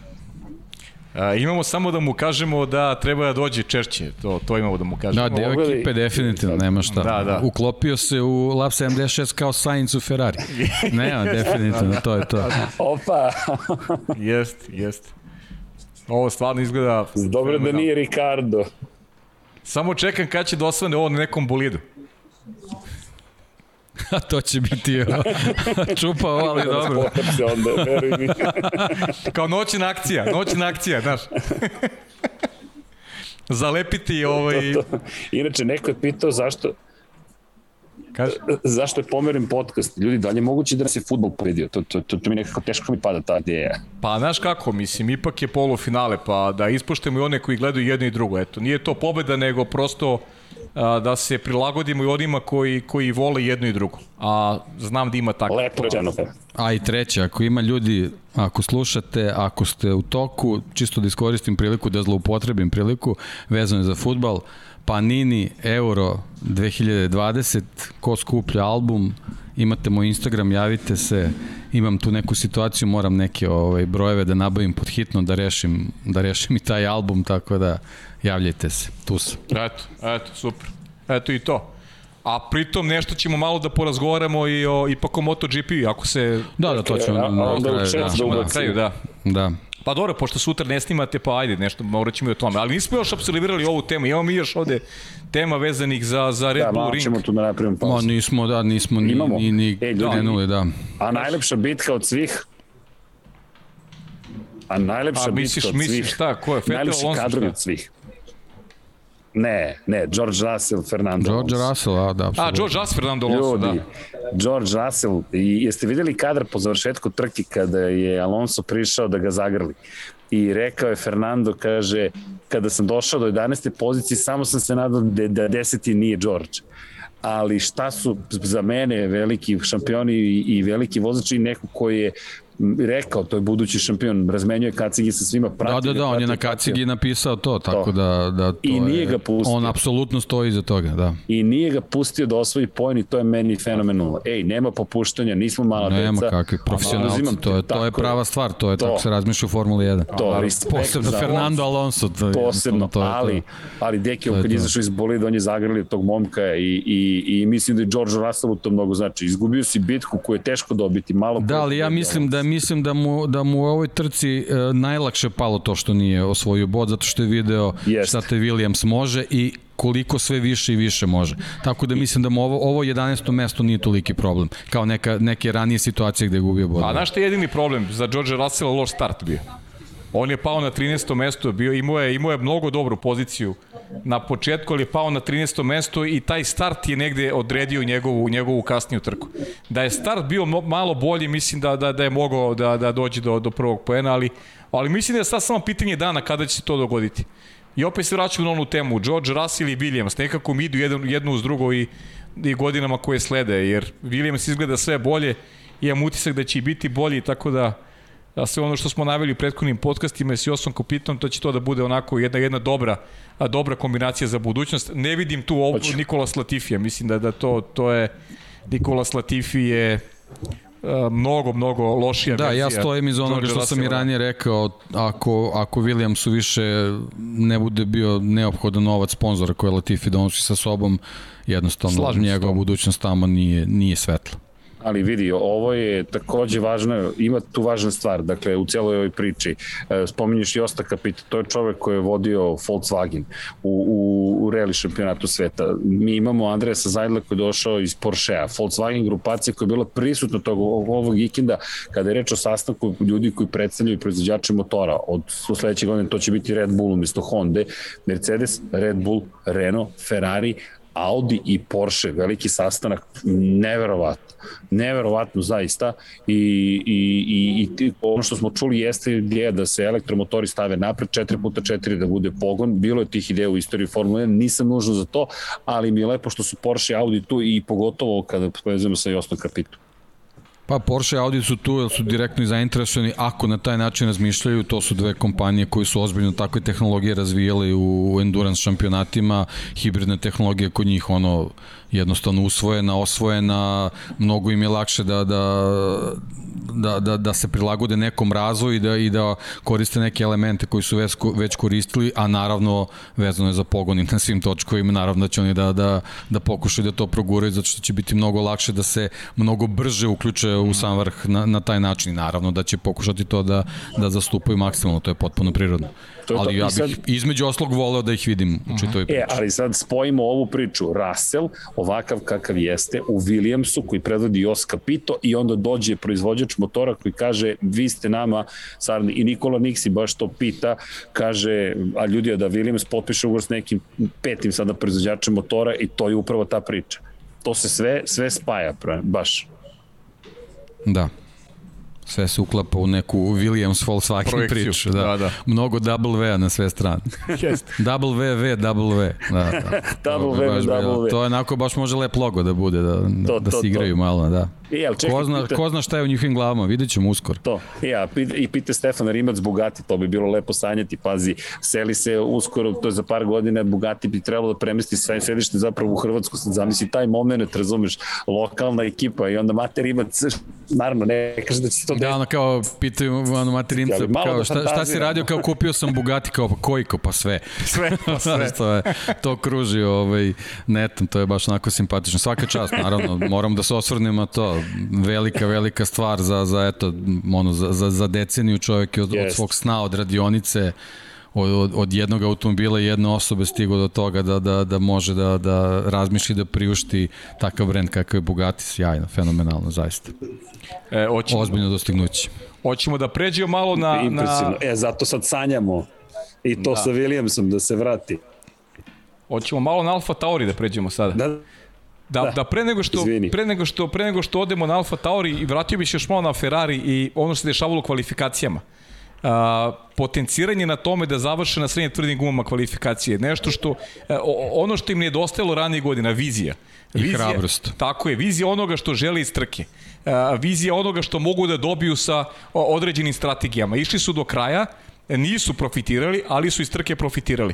S druge strane imamo Alfa Tauri, imamo Pjera Gaslija i, i uh, Yuki Tsunodu na mekim gumama su odradili kvalifikacije, baš kao što je bio to slučaj sa vozačima Aston Martina ispostavilo se da to nije bio najbolji izbor. Negde smo prepostavili da nije, trka je pokazala da definitivno to nije slučaj. Yuki Tsunoda koji je pravio zaista neobjašnjive greške. Sad dolazimo, dolazimo do to Ricardo, kako eh, Ricardo negde eh, ne, ne potenciramo na, na tim zaostacima i njegovim odnosu na Norris, jer, jer prosto eh, negde zaboravljamo da je on taj koji mora brže da se aklimatizuje. Opet s druge strane Tsunoda zaista je uočljivo ono što je rekao Helmut Marko. On kao da ne sluša šta mu se govori, kao da u nekom svom univerzumu, kao da mu neke stvari ne dopiru do mozga i, i pravi zaista, greške mu se ponavljaju. Da ti napraviš onake dvije greške na ulazku, na ulazku da. pit lane identične, ono je, ono je zaista teško objasniti. Pritom bespotrebno nije nikakva kritična situacija su neki bolidi oko njega. Jednostavno je sam sam na stazi i sve što treba je da da pogodi ulaz između dve linije. Stvarno onako mislim naravno iz naše perspektive lepo je to pričati tako, ali, ali zaista neverovatno delo da ponoviš takvu grešku, ajde jedno može se desi, ali, ali da to ponovo uradiš zaista bez veze, ali sve ovo što si rekao ovaj, vuče ka tome da trebamo zaista pohvalimo Pjera Gasly, jer on je jedini, jeste. jedini vozač koji je osvojio bodove tako što je krenuo trku sa, da, na tim gumama koje su u, u već, već posle nekoliko krugova bilo jasno da to nemoguća misija, međutim on je uspeo da, da se isčupa s jednim stajanjem i, i pohvale, pohvale za njegovu vožnju. Posebno to što imao, imao tu situaciju koja ovaj, na, na početku koja je bila ovaj, nezgodna, ovaj, ali evo, mislim, on je super to, to odradio i, i zaista, evo, evo ovde imamo ovaj, 13 krugova na, na, gum, na gumama je bilo sasvim dovoljno za sve da shvate, ovaj, na mekim gumama da shvate da, da to jednostavno nije, nije dobra strategija. Da, da, Gasli sa, Gasli ali, sa dva stajanja. Ali tako? pazi, Gasli koji je jedini sa Hamiltonom imao dva da. stajanja. Da, da, to sam to, to da. da kažem. Gasli je neverovatan bio temp, eh, ali mislim da si Pajo pogodio pravu stvar, da je Ferrari napravio pravi izbor i ono što je Deki rekao, to je, to je, to je manje više očigledno. Jer pazi ovo, Gasli mora da ima još jedno stajanje. Sad, da si krenuo 11. na primjer, da si 11. krenuo sa srednje tvrdnim gumama, da li ti to daje ozbiljnu prednost, da li ti to svrstava ispred Ricarda konačno, mislim da to sad, kada se izberu ove mekše gume, prošle godine smo to radili u Silverstonu, prva trka jedan sa guma, a onda sledeća trka za nijansu, jednu nijansu mekše gume. Isto priča ove godine u Austriji i ova promjena i Gasly imao je zapravo impresivnu trku. On ljudi imao jedini sa Hamiltonom od osvajača po jedna dva stajanja. To je izuzetan da. tempo Alfa Tauri, ali greška zapravo vuče do iz ovoga što je Paja rekao. Lance Stroll i, i, i Sebastian Vettel ništa nisu mogli na making gumama, ništa. samo Gasly uspeo. Neverovatna ništa, možda koja je čak nešto probao da produži stint, ali jednostavno nemoguće, nemoguće. je bilo to, ja, videlo da. se. Na, na šta da. mi, lako je sad pričati, pričati kad je sve završeno, ja mislim da a, Pierre Gasly da je počeo trku na srednje tvrdim ili tvrdi gumama, da bi mogo da se bori sa Saincom za peto mesto. S obzirom kakav je tempo imao, opet je, ali dešava se ove godine, da li ta velika očekivanja Alfa Tauriju, da li su malo uspavali ekipu? Da li e, u nekim situacijama mi deluje da, da ne reaguju uh, u skladu sa onim što su, što su neke uh, da, bolje kao što su reagovali prošle sezone u nekim sezone. situacijama. Sada da, imaju da, da. bolji bolid, ali mislim da i više greše. Da, pa I, moguće da je to možda ta nestrpljivost, da su svesni da imaju kvalitet i onda u nekim situacijama, kao što smo pričali i za Pereza i, i, i za možda i Leclera, samo je nestrpljenje u nekim situacijama dovede do toga da se to ne materializuje na kraju trke. Moguće, moguće da, da, da si upravo što se toga tiče, ali, ali Gasly je stvarno svoj, svoj deo posla odradio ono, maksimalno koliko je mogao. Gasli je Gasli, već možemo da, da, da kažemo. Da, Gasli da. je Gasli, on je neko ko ima ime i prezime ovde i to onako vrlo... Pa to što Srđan kaže, mislim, to je da. ono, jako je važna stvar, ti si u analima, mislim, ti si pobednik velike nagrade, ne, nema šta, ti, ti već imaš ovaj, uh, neku, neku reputaciju i on istrke u trku kad, kad, kad mu situacija to dozvoljava i automobil, on to pokazuje. Jasne, Definitivno. Jasne. Imaš da dodaš nešto, Srki? Dodam, pa mislim, svesno, nema tu šta. Pa ja mislim da se ti zapravo napravi sačen uvod sa pričom o Ferrariju. I onda zapravo krenuo si od Alfa Taurija i ako sam te dobro razumeo, onda ovaj uvod preko Ferrarija, koji, koji jeste super i jeste suština. I jedino bih dodao za, za Sebastiana Fetela i Kimi Rekonena velika šteta na kraju, velika greška, atipična za Kimija. Baš nisam očekivao onako da, da ne vidi bolid koji je praktično pola dužine ispred njega. Ne znam šta se tu dogodilo, ali na kraju nijedan ni drugi nisu stigli do cilja. Da, žute minute se dešavaju, ovo je bilo baš onako dramatično. Da, i spektakularno, da, da, da. A, a ono što je Paja rekao što tiče Aston Martina, ovo, generalno trka je bila gotova sa, to, sa tim nekim lošim izborima guma, tako da ovaj ali dobro, oni su imali su dobrih rezultata, to je ono što je što je za njih važno i jednostavno ono nada je da će nastaviti u tom tempu kad se kad se te neke kockice slože vezano za trku i kvalifikacije pre svega. Jeste. Alfa Romeo opet. Da razočaravajući nastup još jedan i i Đovinaci Rekojena po jedan poen do sada u sezoni, kao da smo, svi smo nekako očekivali više i uh, pogonske jedinice Ferrarija koja je sigurno bolje nego prošle godine, a oni su radili dobar posao kada je aerodinamiku u pitanju još prošle sezone, međutim A, očigledno su drugi mnogo više napredovali i prosto je Alfa, Alfa Romeo limitiran kada pričamo o, toj, o tim borbama za, za poene. Više zavisi od toga da li će neko napraviti grešku, da li će biti trka turbulentna. Mislim da u nekom idealnom trkanju kada većina vozača, kada 80% vozača završi trku, da mislim da tu ni, ni Rekoj ni, ni Đovinaci ne mogu da se nadaju mm, poenima. Tako, jedino što eto iz ovih nekih trka vidimo da Đovinaci je malo u boljoj formi, bržije od Kimija, sad jedino ovde eto imao je tu situaciju, to, to prekoračenje brzine, ovaj, dok je bio safety car, tu je praktično završio sve svoje nade da će uopšte moći da, da, da, da, da priviri do, do, do desete pozicije, jednostavno kad se napravi grupa iza safety cara, ti dobiješ vremensku kaznu, nema tu yes. nikakve priče, ovaj, ali eto, definitivno, ako nešto može pozitivno se izvuče, to je da on stvarno izgleda da je u ok formi, samo taj automobil nije ni u stanju da im, da im pruži nešto, nešto više. E, ljudi, zanimljiva tema. Ajmo, e, želo bih da pričamo o tome, da, da mi kažete šta mislite. Kimi Raikkonen, deluje mi nekako od svih ovih šampiona koji su na stazi, starih kuka, nazovi, uh, neko najmanje zainteresovan ono što se dešava na, na pisti. Nekako mi odsutan, uh, da li mislite da se bliži kraj kad je Kimi Raikkonen u pitanju? Meni se čini, meni se čini da, da, da, da, da je sve izvesniji. Srki, hoćeš ti? Pa da, nema, ne bih, nema tu šta Ajde, moramo, da, moramo da, porediš, se, da se koordiniramo. Ako porediš Alonsa i, i, i Rajkonena i njihove pristupe trkanju i načina koji funkcionišu, mislim da su im različite uloge. Mada nisam siguran da će se Kimi penzionisati. Kad bolje različim, Kimi ni nema te ambicije. Mislim da Kimi želi da se trka, a verujem da je svestan da Alfa Romeo ne može da se bori za pobede. S druge strane, Alonso ušao neki jedan projekat koji može da donese sutra ozbiljne rezultate i mislim da je Kimi više koristi i svoju slavu i svoje ime da uživa dok mu prižaju tu šansu, sve što mu život pruža da će to iskoristiti, tako da može on i da ostane. Jer opet, evo, mi pričamo o njemu, a s druge strane jedino što mislim da se neće promeniti će se trkati uvek, pa sad ako se nešto otvori, otvori, ali ne vidim da je kao Alonso rešen da to po svaku cenu ozbiljno uspe.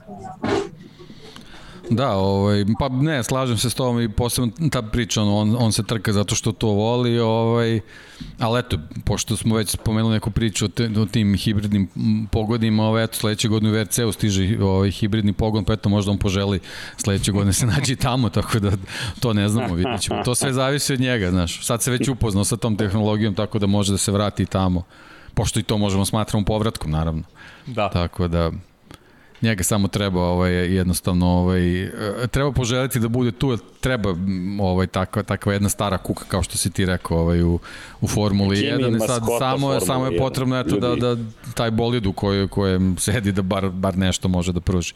To je ovaj to je za sad veći problem nego sam Kim. Jeste. Ma meni deluje da, da, da ne izlači maksimum, da da naš prošle godine kakav god da je bio Alfa, da, mislim, naš delo mi je da, da je vreme da surčimo sa surovom istinom. Pa da, mislim, svi smo mi, ja, kako bih ti rekao, božanki. Pa jo, reci šta ti na srcu, zbog... Antonio Giovinazzi.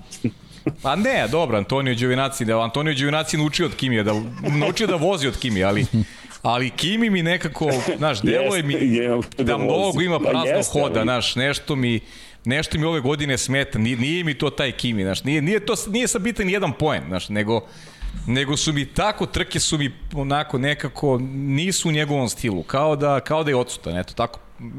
Makar moj utisak, ne znam, možda možda nisam na na, na pravom tragu, nemam pojma. Pa meni deluje da jesi, samo to, to je to. Mislim da, da je to, znaš, mnogo veći, mnogo veći problem, Kimi, Kimi, on, maskota, kao što smo rekli, znaš, ali, ali da, možda smo i mi prosto željni da vidimo ne, još jedno dobro izdanje Kimi Rekonena, ali znaš, meni je mnogo veći problem prema Esteban Okon. Okon je dobio trogodišnji ugovor, on je taj koji treba da izgra, on je taj koji treba toj ekipi da donosi sve rezultate, a ne Fernando Alonso sa svojih 40 godina da bude osmi da na stazi na kojoj Alpina realno nema šta da traži, on osvaja bodove. Da se kida sa Russellom u posljednjem krugu, a da Okono nema nikog. Pa znaš kako se izviče Alonso, on postaje stari Alonso, on jede svoje timske kolege, tako da da. Okon nije baš dobro, došao u dobru situaciju, posebno sad što, eto, Alonso sve bolji i bolji sa tim automobilom, tako da To je veliki problem za njega, a očajan je definitivno, to je Jest. od trenutka kad je potpisao ugovor neprepoznatljiv je. Jednostavno, da li je splet okolnosti ili, ili nešto, nešto još teže, ne znam, ali stvarno ova trka bila katastrofa. Možda se previše opustio. Možda je, možda je ušao Valtteri Pa Bottas. znam, ali on se, on se, već, ušao u njega. on se već jednom upuštao, znaš, nije to baš ovaj, toliko preporučljivo u, u, u najbržem cirkusu. Svaki ugovor može se poništiti vrlo Može, lako. lako, tako je. Vrlo lako, tako da ovaj, mora, mora da počne da, da, da pruža nešto. Kažem, Da, Bottas, ljudi, što... obratite pažnju e, samo na količinu komentara, izvini, E, samo Mhm. obratite pažnju na količinu komentara za Kimi, Kimi budi emocije. Da, I da, to, to ne štrecnuli može da se smo, to štrecnuli je ono što smo, da. zapravo ja mislim da je suština problema. To, ali svi vole Kimi svi žele da Kimi uspe. Bukvalno Kimi je taj, znaš, on je ljubav, on ti je čista emocija, nema tu racionalnog, ali tražiš onda onaj dodatni moment, a, a za ostalo ostali često znaju da te ne probudi emociju, ali on su budi emocije. Okon, Okon budi emocije kao klinac, ajmo klinac, ajmo ti, aj, sad ti imaš 20, nekoli, 23 godine, ti si dobio ugovor, znaš, a odjednom ti imaš bukvalno imaš Kimija koji dalje, koji uvek bio emocije, Znači, i uvek po neka izjava godina. To pa je dosta, znači nema više njegovih izjava. Ne, Potpuno se slažem s tobom. Da, sada pogotovo. Posebno ovaj poslednji deo. E, ali pazi, ovaj, to, to je ona priča koju smo dobili, Srki, e, ti ja smo to komentarisali i u prenosu, a, da se zajednica na internetu dogovorila da glasaju za Kimi Rekonena za vozača dana, da bi čuli komentar E, e, da. Kimi Rekonena posle trke. E, to je, to je, to je ono što je interesantno i na kraju čini se, momčilo bio drugi, ili tako beš? Jeste, bio je drugi na kraju, E, eto, zajednica nije uspela da, da, da, da, da dozove Kimi Rekoena da čuje E, njegovu reakciju. Možda treba svi da, da glasamo Pa ovaj, u Silverstonu za Kimija. kasnili smo. Da je Lab Da. 76 Pozvao zajednicu. vidi, da je se Lab 76 zajednica još krenula, to bi bilo zagarantovano. Eto nam projekta za, za, projekta za sledeću trku u Silverstonu. Animacija mora da krene na vreme. Mora na vreme krene akcija. Tako. Glasajte Trka za glasamo Rekoena. Za Kimi Rekonen. Tako je, da čujemo šta će da kaže posle trke. To, to. Da,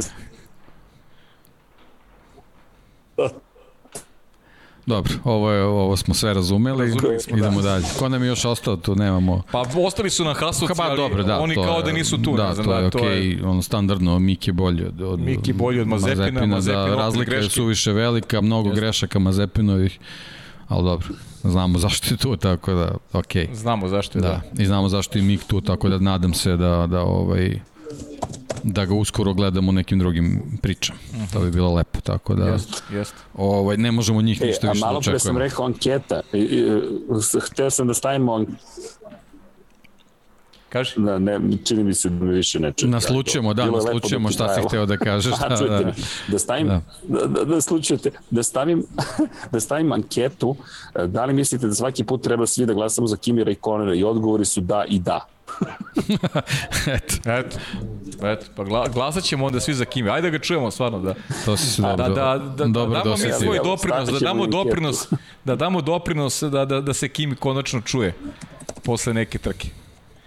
I smo, smo Da, da, prošli vezano za trku, i smo prošli... U principu da, osim Tako, eto jesmo, ono, da, da nekako absolviramo zašto je Red Bull odjednom toliko Pa, brže od McLarena. E, bravo, to je ona priča, da, To nam je ovaj, nekako da, da bude kao neki zaključak ove Da. priče. ajde, mikrofon je tvoj, kreni. Misliš da ja krenem? Kreni, kreni, da. Pa ne, definitivno ove, ove neke sitne izmene, da ih tako nazovem, koje su se ovaj, desile pred početak ove sezone, očigledno su doprinale tome da se Red Bull mnogo bolje pripremi za čitavu priču, to, smo- to smo već pričali, ovaj, sad tu su, tu su neke, neke sitnice, detalji vezani za sam automobil, ali pre svega mislim za pogonsku jedinicu, da su oni tu odradili ne, neke stvari, posebno dok, dok se dešavala ta tranzicija Honda, Red Bull, ili kako god, ovaj, tu, tu se ovaj, desile su se neke promene, da sad ne ulazimo u te tehničke detalje, desile su se neke promene ovaj, vezane za, za sam motor, pomerano je težište, m, glava je drugačije ovaj, urađena, uglovi ventila i tako dalje. Znači, bilo je, bilo je dosta nekih promena koji su doprinele ovaj, povećanju snage pre svega pogonske jedinice, ali mislim da je da je jako važna stvar bila ovaj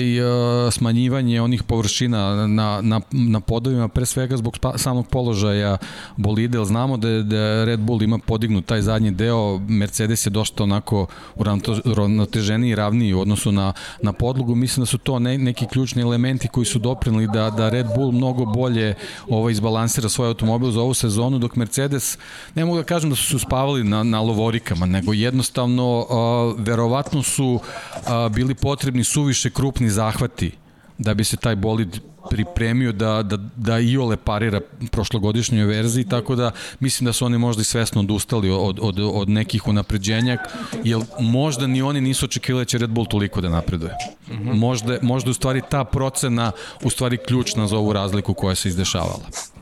Srki. Tako da, da mislim da, da, da su ih uhvatili na spavanju, ali deluje mi da, da će Mercedes već od Silverstona da, da ovaj, pokaže neku drugu priču, ali ovo je bilo ozbiljno buđenje. Pet vezanih pobjeda Red Bulla, to je, to je suviše za reputaciju Mercedesa. Koliko je Srki realno to, to, to, to da, buđenje i... Mercedesa?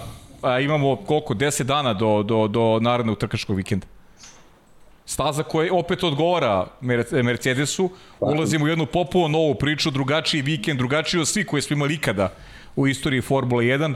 Lewis Hamilton na svom terenu pred 100.000 ljudi, 300.000 ljudi će biti tokom trkačkog vikenda. Naravno da će prednačiti ovaj čovjek sa moje leve strane imaće ogromnu podršku navijača. I da li je e, sada Mercedes došao do te tačke kada je biti ili ne biti?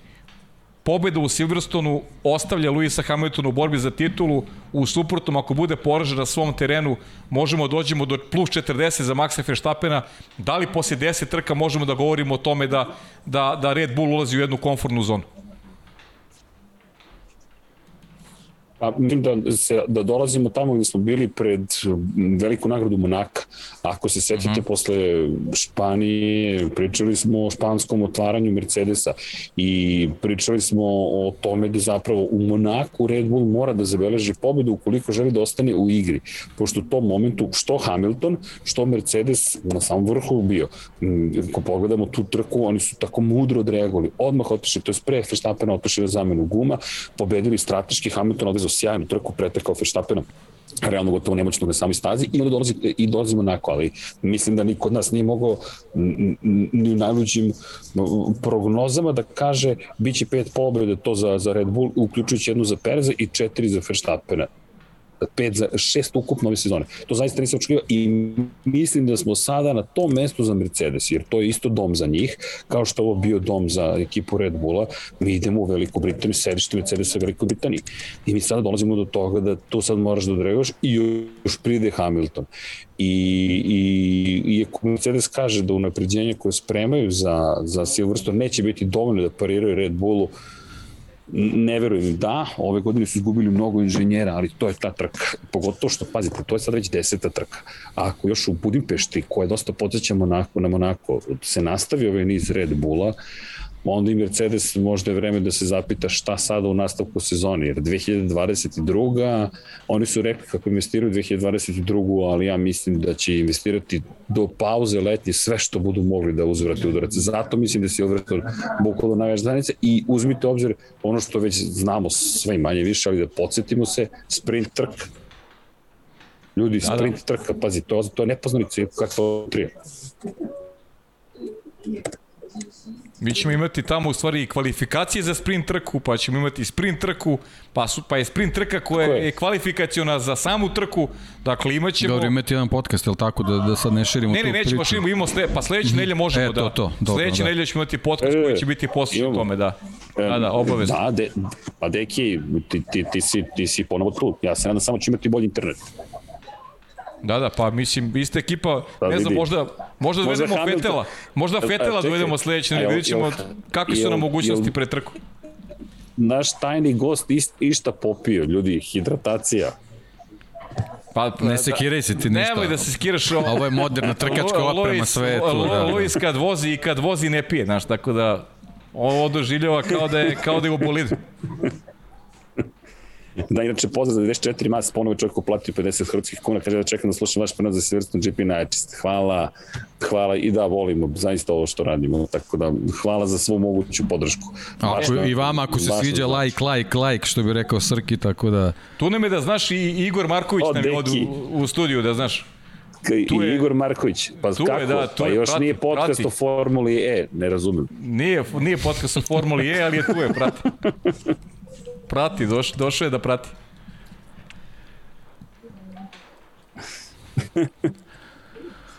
Dobro, absolvirali smo Formulu 1, ali tako je, mislim da smo, pa, mislim da smo, da smo prošli sve. Znaš kako, možda jedino eto da se dotakne. Eto možda tvoj utisak samo te, te, e, još jedna te, stvar. te nekog balansa Ljudi, sad između te dve ekipe. E, bravo, e, da, da bravo, bravo, da, u stvari da. to je, to je priča. Australija imamo i pitanja. Australija. Imamo i pitanja dosta, da li očekujemo da će, da će se voziti neka druga trka umesto Australije. Nažalost, ponovo Melbourne Park neće biti domaćin trke koja je bila planirana, pomerena za oktobar mesec. Opet COVID protokol i sve ono što se dešava sa, sa koronavirusom i dalje. Eto, uticalo je, navelo je prostor organizatore da kažu ne možemo ni ove godine. I to sad otvara jednu rupu u kalendaru. Da li će biti popunjena, ne znam, ja nemam neku informaciju trenutno, ne znam da li, da li je do vas stiglo nešto što što je možda makar i polu informacija, ali za sada, evo i Igor mi maše, za sada nema vesti o tome da ćemo gledati 23 trke kao što je, kao što je bilo predviđeno u kalendaru. Da, nažalost, to sam dovezao i na Moto Grand Prix, to ću malo kasnije da spomenemo. Uh mhm. -huh. Jednostavno, situacija u Australiji je takva, ovaj, sad trka Formule 1 je onako prilično zahtevnija od bilo kog drugog automoto takmičenja vezano i, i za ovaj, logistiku i za samu organizaciju. Vidjet ćemo ko će u stvari biti u mogućnosti da, da, da uopšte konkuriša ako, ako postoji namera da, da, da se nađe trka koja će zameniti Australiju, tako da mislim da to preko noći nema šanse da, da možemo da dobijemo informaciju, tako da ako bude nešto, bit će u sledećih nekoliko dana, ali za sad informacije nema. Srkić, Da li možda neko, da li možda da se ponovo voze da, dve trke na isto mesto? Pa vidi, MotoGP ide u Portimao, iako je Portimao bio na početku godine. Znaš, to ono što, što, eto sad ta priča o Bahreinu, ne znam, znaš, ne znam, da, zaista gotovo nemoguće misije. Ono što meni, to, to meni tu zabrinjava više kontinent na kojem će se voziti. Tako je, tako je. Logistika znaš, je problem, da. Znaš, mi tu dolazimo sad u, u ozbiljnom problem. S jedne strane logistika koja je gotovo nemoguća, a s druge strane, znaš, želimo da bude svetsko prvenstvo. Svetsko prvenstvo koje je održano na tlu Evrope od 90%, 95% trka, jedna na Bliskom istoku i jedna na azijskoj strani Turske, to je Istan, Istanbula. Znaš, to, to je ono što nedostaje. Bar jedna trka da bude negde, na nekom kontinentu koji nije baš toliko blizu, a opet, ne znam, ja se zaista uzdam u Sjedinjene američke države i, i držim palčeve da ćemo se tamo pojaviti koliko god zahtevna bila logistika, ali gledam i šta se događa u SAD i, i normalizacija iz perspektive publike koja je prisutna u Naskaru i u, kada je reč o trkanju, iskreno se nadam sebično krajnje da će uspeti to, makar to da organizuju, ali za sve ovo ostalo baš sam baš sam skeptičan šta, šta će da će. O Moto Grand Prix tek da ne pričam. Tamo i Tajland još uvek stoji na spisku. Ja to, nažalost, ne vidim da će se dogoditi, ali, ali eto, držim palče. Isto A da, si... i ono što sam rekao, sa, samo brzo uskakanje Portima kao zamena za Australiju u Moto Grand Prix je dokaz koliko je lakše organizovati te trke, uh mhm. -huh. mislim čisto eto da, da, da sad pojednostavimo stvari, ali Formula 1 je nešto što je zaista zahtevno i to pa, taj ko se prihvati da, da, ko se prihvati da organizuje nešto park. kao zamenu, da, tako je, upravo to. Upravo to, tako da, da vidjet ćemo. Ja se nadam eto, da, da ćemo uskoro dobiti odgovor da li ćemo imati još jednu trku. Šteta bi bilo da, da šampionat koji smo očekivali sa trkama u tolikom broju sad odjednom bude ovaj, osakaćen, ali šta da radimo, jednostavno takva situacija, daj bar da se trkaju gde može. Da, Ništa, pratit ćemo, vidjet ćemo šta se dešava po tom pitanju. Ovaj, možda možemo da, da se malo eto, dotaknemo Formule 3, čisto onako informative radi Da, bilo je zanimljivo, Bilo je ali super, vi ste da. imali više tih utisaka vezano za te kazne, ovaj, ti si baš komentarisao Da. to dosta, da. Da, za kazne, 11 kazni posle druge trke zaista ono previše. I to kazne koje, koje onako posle trke su mi previše kazni. Izgubiš, ne, ne znaš više šta si gledao, ko je na kojoj poziciji. Uh, ba, baš, mi se, baš mi se ne dopada, zaista. Ono. Znaš, kad, kad ti napiše 9 puta je, je prešao uh, stazu u krivini 9. Uh, mislim, stvarno su mi, smeša mi je način na koji Da, trebaš da držiš kalkulator ovaj, da, da računaš, da, mislim, vidiš koliko je ko puta kazni prošao. Neku, Da. Kazni neku u sred trke, ako već kažnjavaš, ajde da znamo. Uh, i, I pritom, znaš šta sam, uh, recimo, situacija sa Perezom, eto u Formuli 1. Imali su onaj moment Sergio Perez koji je, koji je kažnjen uh, u, u onom incidentu sa, sa Charlesom Leclercom. I mislim da, da, da tu treba bolje da se napravi neka regulativa a, kada neko kažnjavaš. A, a, ako si ga već kaznio, treba odmah da tu kaznu odradi.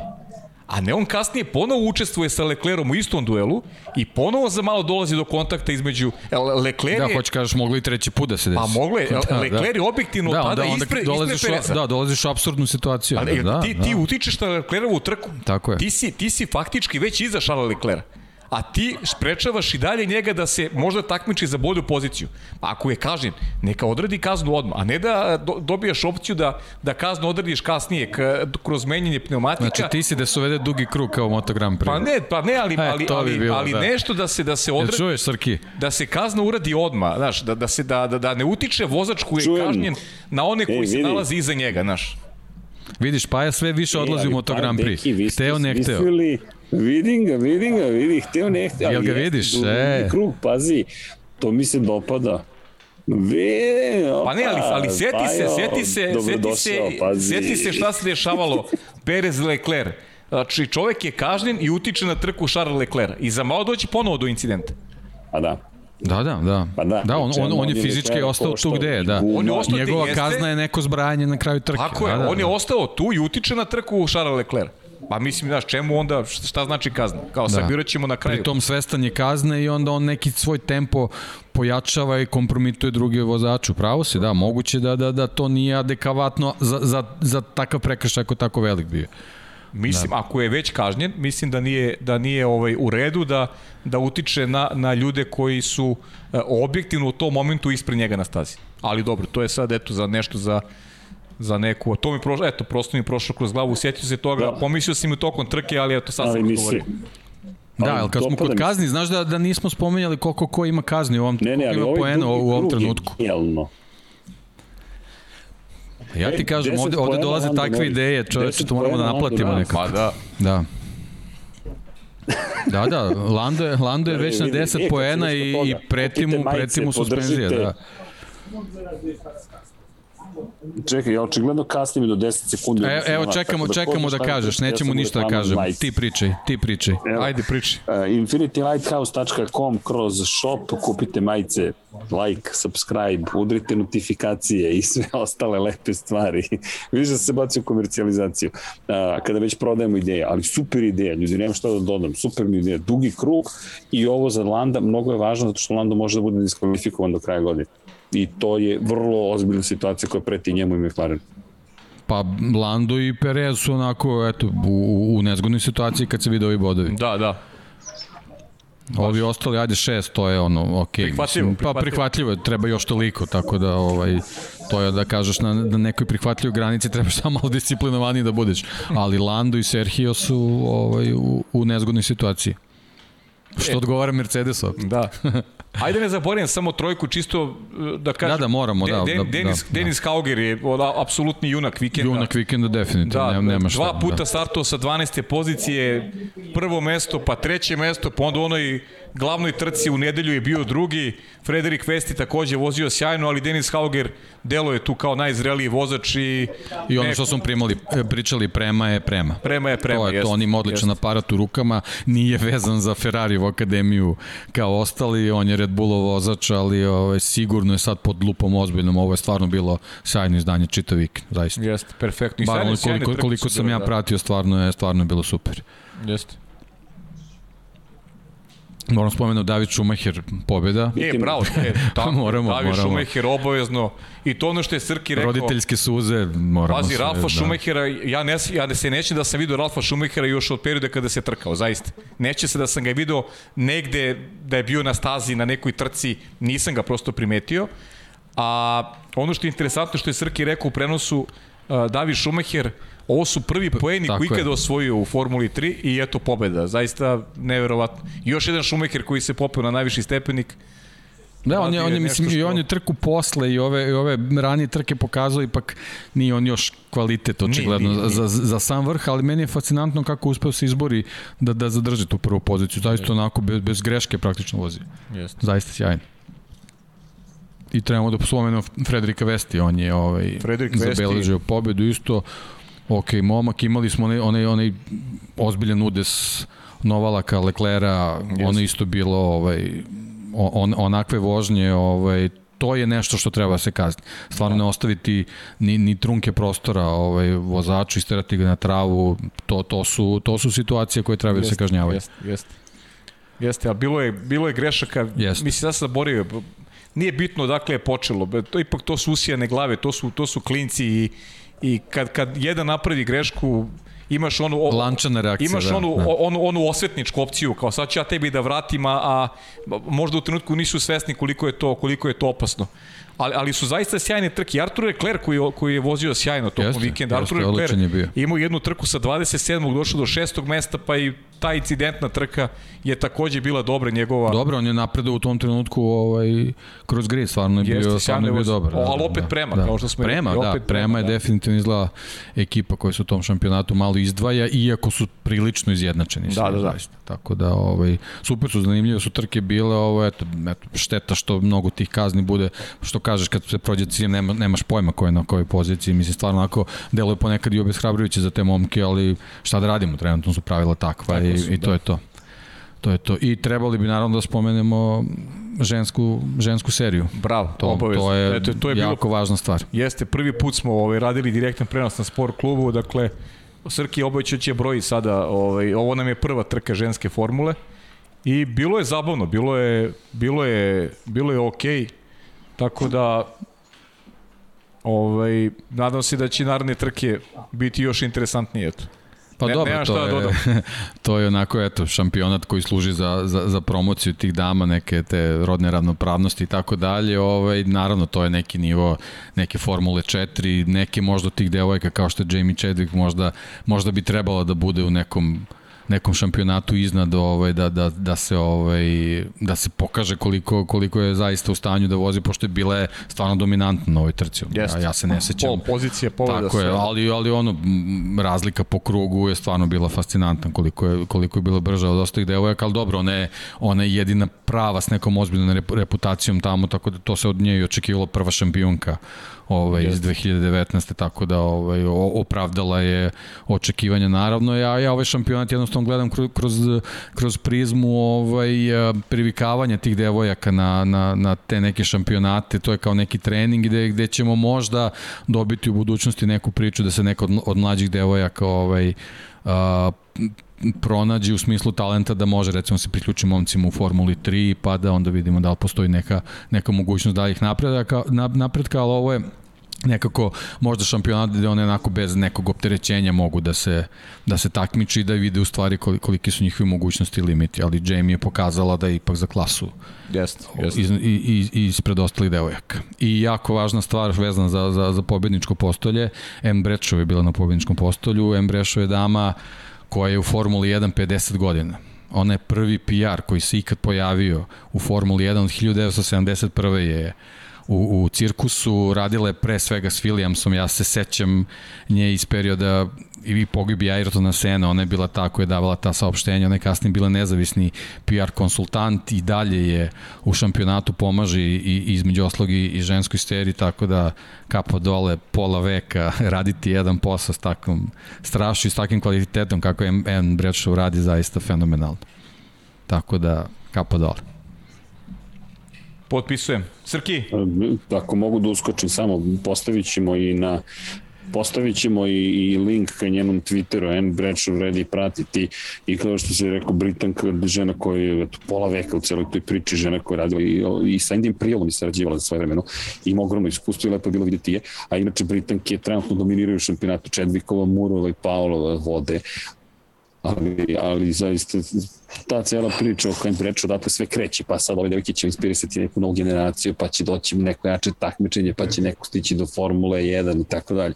Ali prelep vikend iz te perspektive. I samo bih dodao jednu stvar, malo pre ste pričali o Arturu Lecleru, Lecler koji je na kraju, pazite sad ovo, Leclerc, Leclerc je kažnjen pomeranjem tri pozicije unazad Artur Leclerc i to pod obrazloženjem da je pokušao da pretekne sa unutrašnje strane Viktora Martensa između krivina 3 i 4 uprkos tome što je krenuo da brani svoju liniju Artur Leclerc je nastavio napad i zahvaljujući tome izgubio kontrolu nad bolidom. Sem celoj Za mene to krajnje zbunjujuće. Da je kriv on koji iza tebe, kako ti da se više ikada trkaš onda. Koliko sam razaznao, ovaj, jasna je poenta i slažemo se ovaj, sa, sa tvojom konstatacijom, ali to je stvarno ovaj situacija mora ovaj dobro da da se snimci ponovo pregledaju i da se bukvalno to što si rekao reč po reč da da vidimo ovaj kako je obrazloženje sudijsko, ali ovako na prvu loptu stvarno ne pije ne pije vodu, neko koliko se ja sećam kakva je bila situacija, ali dobro, možemo možemo i to da analiziramo jednom prilikom. Srke, pucati link da znaš sve više. Uh, da, uh, mislim da moram da se pozdravljam. Znaš šta, ali, ali, ali ima samo, samo jednu stvar ovde, ovde me podsjećaju, kaže, izgleda Srki zaboravio fantasy. Zaboravio, o, teške teme, fantazi, ali evo ovaj predlog da ugasim kameru i da će to možda da pomogne celoj priči.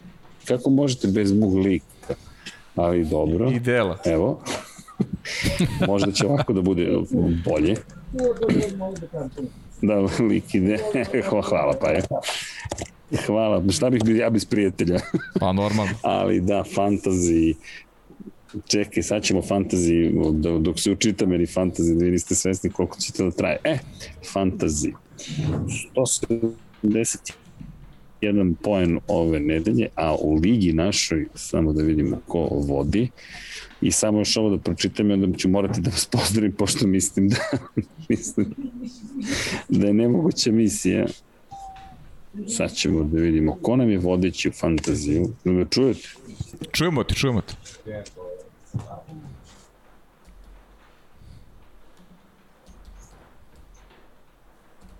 E, Mr. Lar, Mr. Larbo, znate, lečku da se igramo, to je Stefan P. Inače, Larry T i Stefan P. vode, pa mazite se, pazite se. O, Larry T mazite iz Kanade, se, Stefan Drey iz Bosne i Hercegovine, drugi iz Hrvatske, Aleksandar E. N. Mazite se, pazite se, F1 tim. pa leteći Mango, Đorđe Š iz Srbije, Nikola Tim 1, to je Nikola Tim 1, Nikola O iz Srbije, pa Nediju, Nedim H iz Bosne i Hercegovine, pa sedmi Dragan S iz Srbije i Sjedinih američkih država Vodka Red Bull, prepoznatljivi Nenad M, Matea FA 14, rekao bih da se zna za koga navi iz Srbije i Paja Norisovac. Paja Norisovac, više nisi Maksovac. A ja sam sve u jednom. Stefan, ti si sve u jedan, tri u jedan najmanje, pazi. To, to.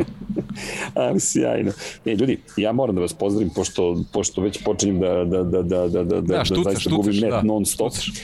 ali samo ću vam reći jedno, mazite se i pazite se. A nemaš, pa pozdravi Luisa, vajde, treba pozdravi e, da, Luisa. Pozdrav za Luisa, ja nemam predstav ko je Luis Hamilton, ali ok, nadam se, nadam se da ću saznati kada se vratim u studiju na kraju univerzuma. Luis, ako si ti razmisli o tome da držiš ovaj naš projekat i, i da zajedno odemo još dalje. Ništa, po, Opa, post... Luis traži ugovor, ja bih rekao. Traži, pa normalno, da. Pa Luis, Luis radi samo na ugovor. Ništa, pozdravi, kalu, pozdravi Kaluđericu i uživaj tamo. Lepo se provedi. Hoću, hvala ljudi. Ljubim Ćao svima. Volim, a i naravno, ćao svima. Ćao svima. Deki, e? šta će mi sad? Hoćemo još da da pročešljamo ta pitanja ili... Pa ne, imamo Šta? samo eto ono sad je malo malo taj pauza vezana za Moto Grand Prix, pa imamo ali već smo e, spominjali, pa malo, da. spominjali da. smo generalno ovaj priču vezanu za za otkazivanje te trke u Australiji, već smo spominjali Portimao uh mhm. -huh. ponovo u kalendaru, tako da bilo bi dobro da imamo trku u Australiji zato što pre svega zbog Jacka Millera, ovaj uh, zbog zbog Remija Gardnera, stvarno ono Australijanci koji su fenomenalni ove ove godine i sigurno bi bilo da da postoji mogućnost da da da da da nastupaju pred svojom publikom, bilo bi sjajno, ali ne da ne mogu nastupiti pred publikom, nego neće biti ni trke u Australiji, tako da stvarno stvarno velika šteta, ali dobro, dobićemo Portimao gde gde smo i ove i prošle sezone imali stvarno dobre trke, ovaj Uh, bilo je jako zanimljivo tako da da verujem da da bez obzira koliko puta išli tamo da će uvek biti tako. Eto imamo priliku još jednom da da gledamo vozače u u Portimao tako da ovaj nismo puno izgubili osim što stvarno ovaj nemati Philip Island u kalendaru je baš baš baš velika šteta tako da ovaj pa, pauzu sad svi koriste jednostavno se pripreme za za nastavak sezone pre svega verovatno svi rade na na fizičkoj spremi to između oslog i Valentino Rossi ovaj spominjao da je da su novi motocikli sa svojim pre svega aerodinamičkim u, u, ovaj unapređenjima mnogo mnogo teže za vožnju nego što je što je ranije bilo. Naravno on to primećuje pre svega iz svojih godina, tako da verujem da se i ostali fizički pripremaju -hmm. za nastavak sezone, da je to ključno u ovom periodu, to je, to je glavni fokus tu naravno moram da spomenemo Marka Markeza koji jednostavno ovaj, je još u periodu oporavka posle one teške povrede prošle sezone, tako da i njemu je ova, ova pauza dobro došla, a još važnije je stvar da pre svega vidimo da li će Dani Pedrosa da, da odluči da prihvati wild card ponudu i da, da ga vidimo ovaj, na, na, na Red Bull ringu gde, gde, gde dolazimo posle, posle mm -hmm. pauze vezane za Moto Grand Prix. Jer on se negde u početku ovaj, svoj, svog staža u, u KTM-u kao, kao test vozača izjasnio da, da, da mu nije prioritet da, da, da se pojavljuje na trkama pre svega zbog faza razvoja motocikala koji, koji su, za, koje, za koje je bio zadužen. Međutim sad pošto je motocikl došao u tu fazu da, da već pobeđuje, da su pol poziciji tu i tako dalje i tako dalje, sad postoje neke finese i on je u stvari zainteresovan da se pojavi na trci kako bi taj neki poslednji fini ovaj tuning na na motociklu radio tako da eto nadam se da da će promeniti tu odluku da da ne prihvati wild card bez obzira kad teme rekao kad god bude poželao wild card je njegova tako da se nadam da je to ova, ova prilika i da ga vidimo ponovo na motociklu to bi bilo fenomenalno tako da eto to su to su neke stvari uh -huh. koje mhm. sad iščekujemo nadamo se da, će, da ćemo tu imati neke potvrde neke dobre vesti tako da ovaj ova pauza može može da bude zanimljiva i naravno ključna stvar Valentino Rossi obećao da će u pauzi saopštiti da li ga sledeće godine gledamo na gridu ili ne. Je tako? Aha. Tako je. Tako da uz, uz, taj, ovaj, uz tu fizičku pripremu malo će verovatno i da, da, da sebi oduška, da, da odmori, da, da sam sa sobom ovaj, da odmeri situaciju i da u stvari preseči da vidimo ovaj, kakva je priča. Pa ovakav kakav jeste, Pa dobro, da, ja, ali, ali eto, ali, i on, ne, i on, ali potreban je, da. mislim, potreban pa, je naravno, dalje, to, je, to je jednostavno, to je ista priča vezana kao za Kimi Raikkonen, pa, da. to je to, to milioni su uz njega i to je to je nešto što što treba i organizatoru šampionata i njegovim sponzorima, na kraju krajeva i njemu zbog čitave priče sa sa svojom ekipom i tako dalje, tako da nije, nije ono da se preko noći odluči definitivno, mislim on bi to već odavno i uradio, ali ovo, ovo je stvar koja mora da, da se odmeri i ništa, idemo teretano pa, pa da pa, vidimo pa, kako će nema, biti nastavak sezone. Pa da, nema to je to. Tako da eto, otprilike to je nešto što smo ono prošli na brzinu pa dok ne bude nekih konkretnih vesti ajde da da ne ulazimo sad u neke analize jedno što znači što je izvesno nemamo Australiju Portimao uskače i to je to za Formula 1 čekamo da vidimo da li će biti zamene za trku navijamo da, da, da će biti ali to će biti neka od staza koja se već ove godine priprema. Definitivno ne može da uđe neka nova. Mislim da, da nema vremena za to. Jasno, jasno, jasno. Tako da eto, vidjet ćemo. Dobro, šta ćemo sada? Ima pitanja nekih ili... Sad ćemo da vidimo nešto? ovde, da, ja gledam ovde malo na ovom četu, samo da ja proverim prvo telefon, ajde, uh mhm. -huh. prvo ćemo tako da vidimo. Ima Pavle Njemec pitanje, kaže, Po čemu se razlikuje incident Pereza i Norisa sa posljednjem trke incident Verstappen i Leclerc iz 2019. takođe u Austriji? Pa ne, možemo... Da li je po tim da, standardima Max treba pa, tada dobiti kaznu? Mislim. Upravo to, možemo sad to Koliko da analiziramo, ali primjera, Pavle, možemo mi da, da navedemo, da. i 82. pa da gledamo da li je bilo primjera, primjera, ali bilo je uvek će biti, zato što su to, to su trke. Sad je samo pitanje kakva ovaj kakve odluke kakve instrukcije u stvari ima imaju sudije na stazi. To je ono ono što je što je ključno i što je važno i kako kako da se dođe do neke mustre da da to bude što u, u, u ovo izjednačenije. Naravno nisu oni roboti, ne mogu na taj način da da donose odluke, nego jednostavno samo samo da, da, da te odluke ne budu na, na tu neku štetu trkanja. Jeste. Da li, da li, da li su ove pravovremeno donesene na, za vreme trke ili su one trebale za vreme trke, a ne posle, to su sad te neke stvari koje, koje mogu da zasmetaju, ali jednostavno moramo da vidimo kako možemo da, da, da, da, da jednostavno dobijemo trke da budu što, što pravednije što se toga tiče, jer, jer sve više i više imamo utisak pričamo o tim kaznama. To ranije jednostavno nije, nije bio toliki slučaj. Pa jeste, i tu se pitanje nadveze Nikola Cviković, kaže, poda svima u studiju, interesam vaše mišljenje Michael Masiju, čini se kao da je previše u centru pažnje. Utiska sam da u vreme Charlie'a Whitinga nije bilo toliko kontroverzi da, da on sam nije žudeo za medijima i popularnošću. Pa, da li jednostavno ta situacija dovela od toga da znamo kako se taj čovjek zove. Jednostavno, ranije nije bilo toliko kazni i, i to je to. Slažem se. Tako da, da vidjet ćemo, vidjet ćemo Pazi, kako će to da, da, ali mislim, generalno organizacija mora time da se pozabavi. Ne, ne mogu da pređu preko toga pričute kao da, da nema veze. Da. Čekaj nešto, Luka Panić kaže, video sam sada e, gleda naš podcast, kaže i sve je više ubeđen da je, da je Pablo u stvari Luis Hamilton. Nema veze. Viš kako si na lošem tragu. Potpuno si pogrešio, odmah ti kažem. Dobro. Da. Kaže Laza Slović da smo se ogrešili Artura Leclerc, rekli ste da imao loše kvalifikacije u Francuskoj, je dečko otkazao motor čim izašao na stazu. Ok, Lazar je prihvatan da smo, da smo napravili grešku. Ne sjećam se uopšte da smo mi radili uh, iz Francuske uh, Formulu 3, mislim da i nismo. Da, nismo. Evo, momčili mi pokazuju da nismo. Tako da, eto, Ali nema veze. Da, nema Prihvat, veze. Prihvatili ste. A, ne, ne, ne, okej, okay, okej, okay, mislim, znaš. Moguće smo rekli sad ovo vikendi da smo, da, da, verovatno je bila greška, prihvatam. E, da li ima još pitanja da vidim ko je još pisao, Nikoli smo odgovorili. Evo, kako komentarišete izjavu Wolfa da će u Britaniji pobediti, e, da će biti dvostruka pobeda sa 30 sekundi prednosti na Red Bullu? Oh to je onako baš, pa, baš, baš ozbiljno. Da, evo, da, evo baš. naš gost se slaže. Luis kaže da je da, to to, da. Da je to to. I to realno vidiš kako. Da, to je da. To. Pa znaš, ovo, ovo, treba tu izjavu zapamtiti. Ja, da, vidio sam danas da, da, da, izjavio, sad ne, znaš, ne znam da li spada ono dome nekih šala, nisam vidio koji je sajt bio, ovaj, da vidimo da je to neki humor ili je ozbiljan da. čovjek bio. Moramo Maksu da idemo sledeće, da vidimo što on kaže na, na ove Luisove reakcije tokom ovog podcasta. Uh, Pa ne, nisam siguran koliko je to to realno, znaš, ovaj 30 sekundi. Ok da pobedi Mercedes, ali da će biti takva razlika, pa to bi onda donelo ne preokret, nego. Ne, vidi, vidi, ako je ozbiljan, možda zamisliš šta se sad dešava u fabrici. Da, da. znači, pa na šta je? Mercedes je sad u ozbiljnom tempu. Znači, uzbuna je na sve strane. Super i ako jesu. Da, da, super i da. ako jesu, to je dobro za šampionat. Uh, Nikola, uh, Niksi, da li ste očekivali ovako brzo prilagođavanje Carlosa Sainca? Mislim da ja ti ne. si to spomenuo. Da, ja da, ne, da, ja da, ne, da, definitivno, ja, ja ne, sigurno. Srki jeste, ti jesi, ja nisam.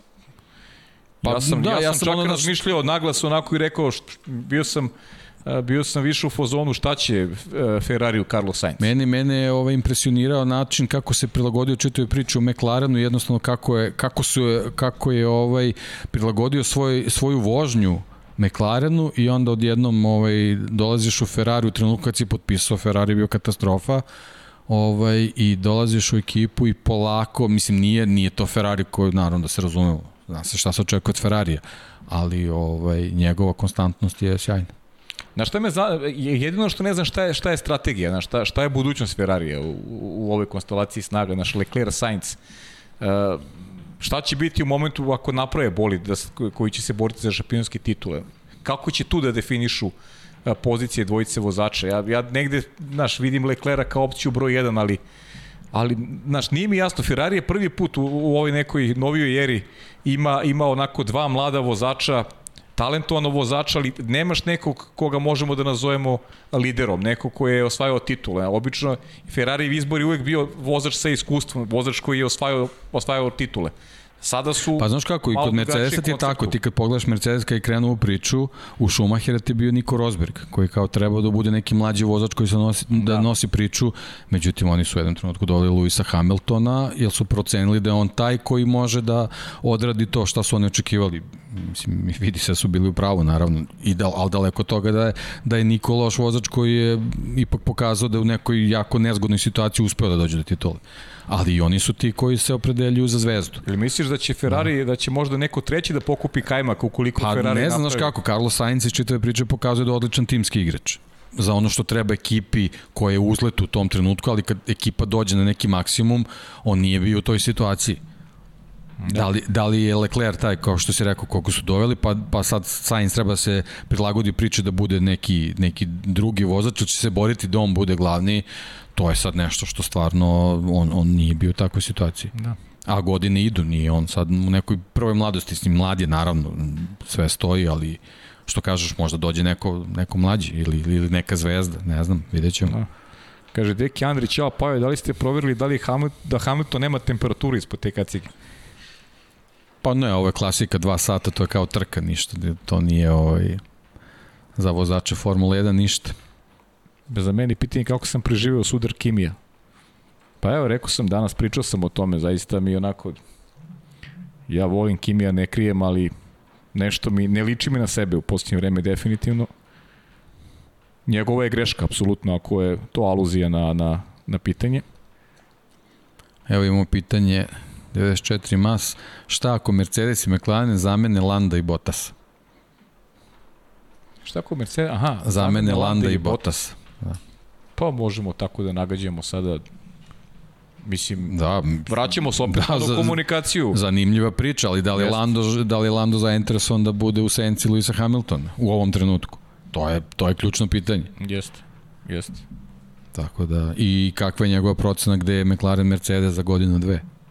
Pa ja vidim Bottas da. i dalje u Mercedesu. Pa, ja vidim realno, Bottasa da. uz Hamiltona. Mislim da sad ne, neki veliki potres njima tu specijalno ne treba. Sad treba da se fokusiraju na automobil, jer za ovu, ovu godinu moraju prvo da završe normalno, ne, da. ne na ovaj način, a drugo sledeća godina nova generacija automobila, to mora krene kako treba. I sad dovoditi nekog vozača se prilagođava čitavom sistemu, malo nezgodno. Ja mislim da je Luis pripremio dobro teren prilikom potpisivanja ugovora i da je jedan od zahteva i bio da nema tu ni Rasela, ni Landa Norisa, nego njemu odgovara potpuno Valtteri Bottas. Da je ovo samo Landu crvo, ova izjava, samo ga je pa, malo bocno. Pa da, mislim, da, da. u krajnjem slučaju i podrža malo i kao, kao Britanca i kao talentovanog vozača, ali, ali da, da ovako mi vidimo možda između redova nešto drugo, a u stvari u stvari nema tu neke Kaže, šta mislite za zamenu u Mercedes Alfa Romeo Bottas Kimi?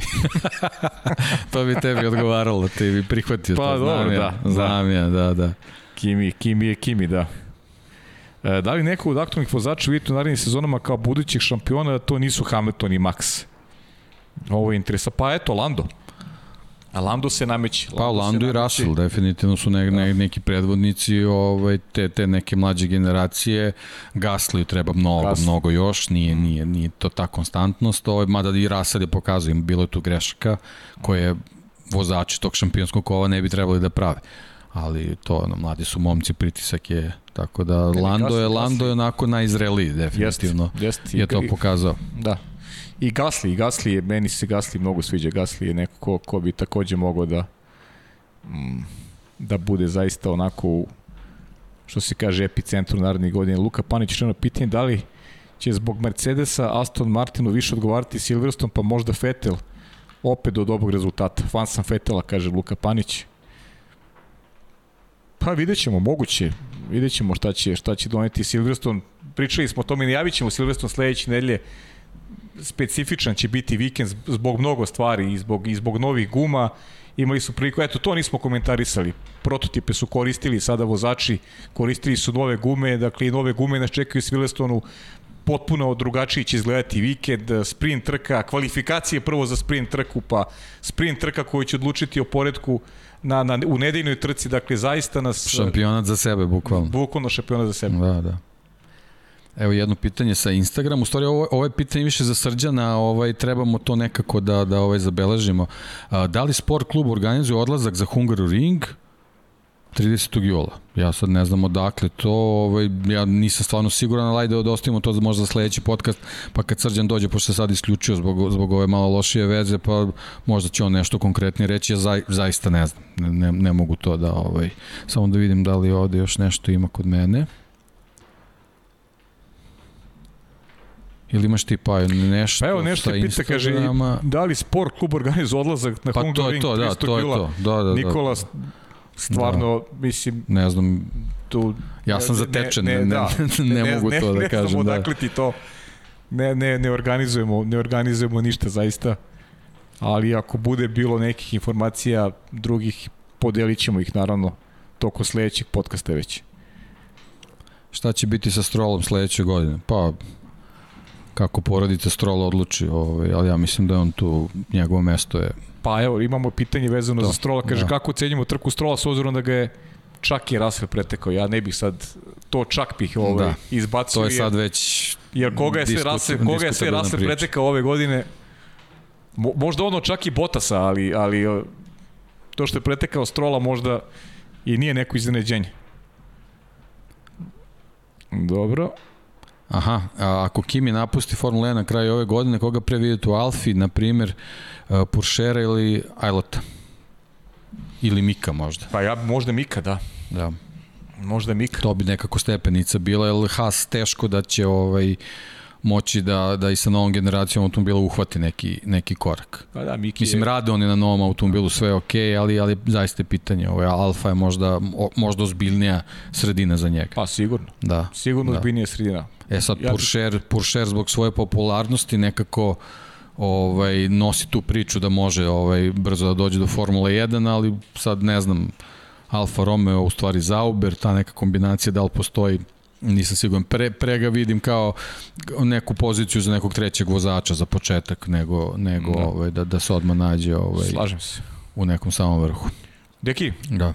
To je bilo to. To bi bilo to, otprilike, da, mislim da smo, da, da smo prešli sve. Obradili smo, da. da, obradili smo sve. Izvinjamo se onima koji nismo možda na sva pitanja odgovorili, ali generalno neka se i, i ponavljaju, pa da, da ne ulazimo onako preširoko u temu koju smo već obradili, da. a da damo šansu ovima koji paralelno prate i, i futbol. Da, Ovog puta smo blago nakon, kreće, da, da, da, da, da. Tako je, ipak je polufinale, da, da, da, ovaj, da ne ignorišemo. Da, ovaj. sad već krećemo u ozbiljnu završnicu, tako da Jest. treba i to ispratiti.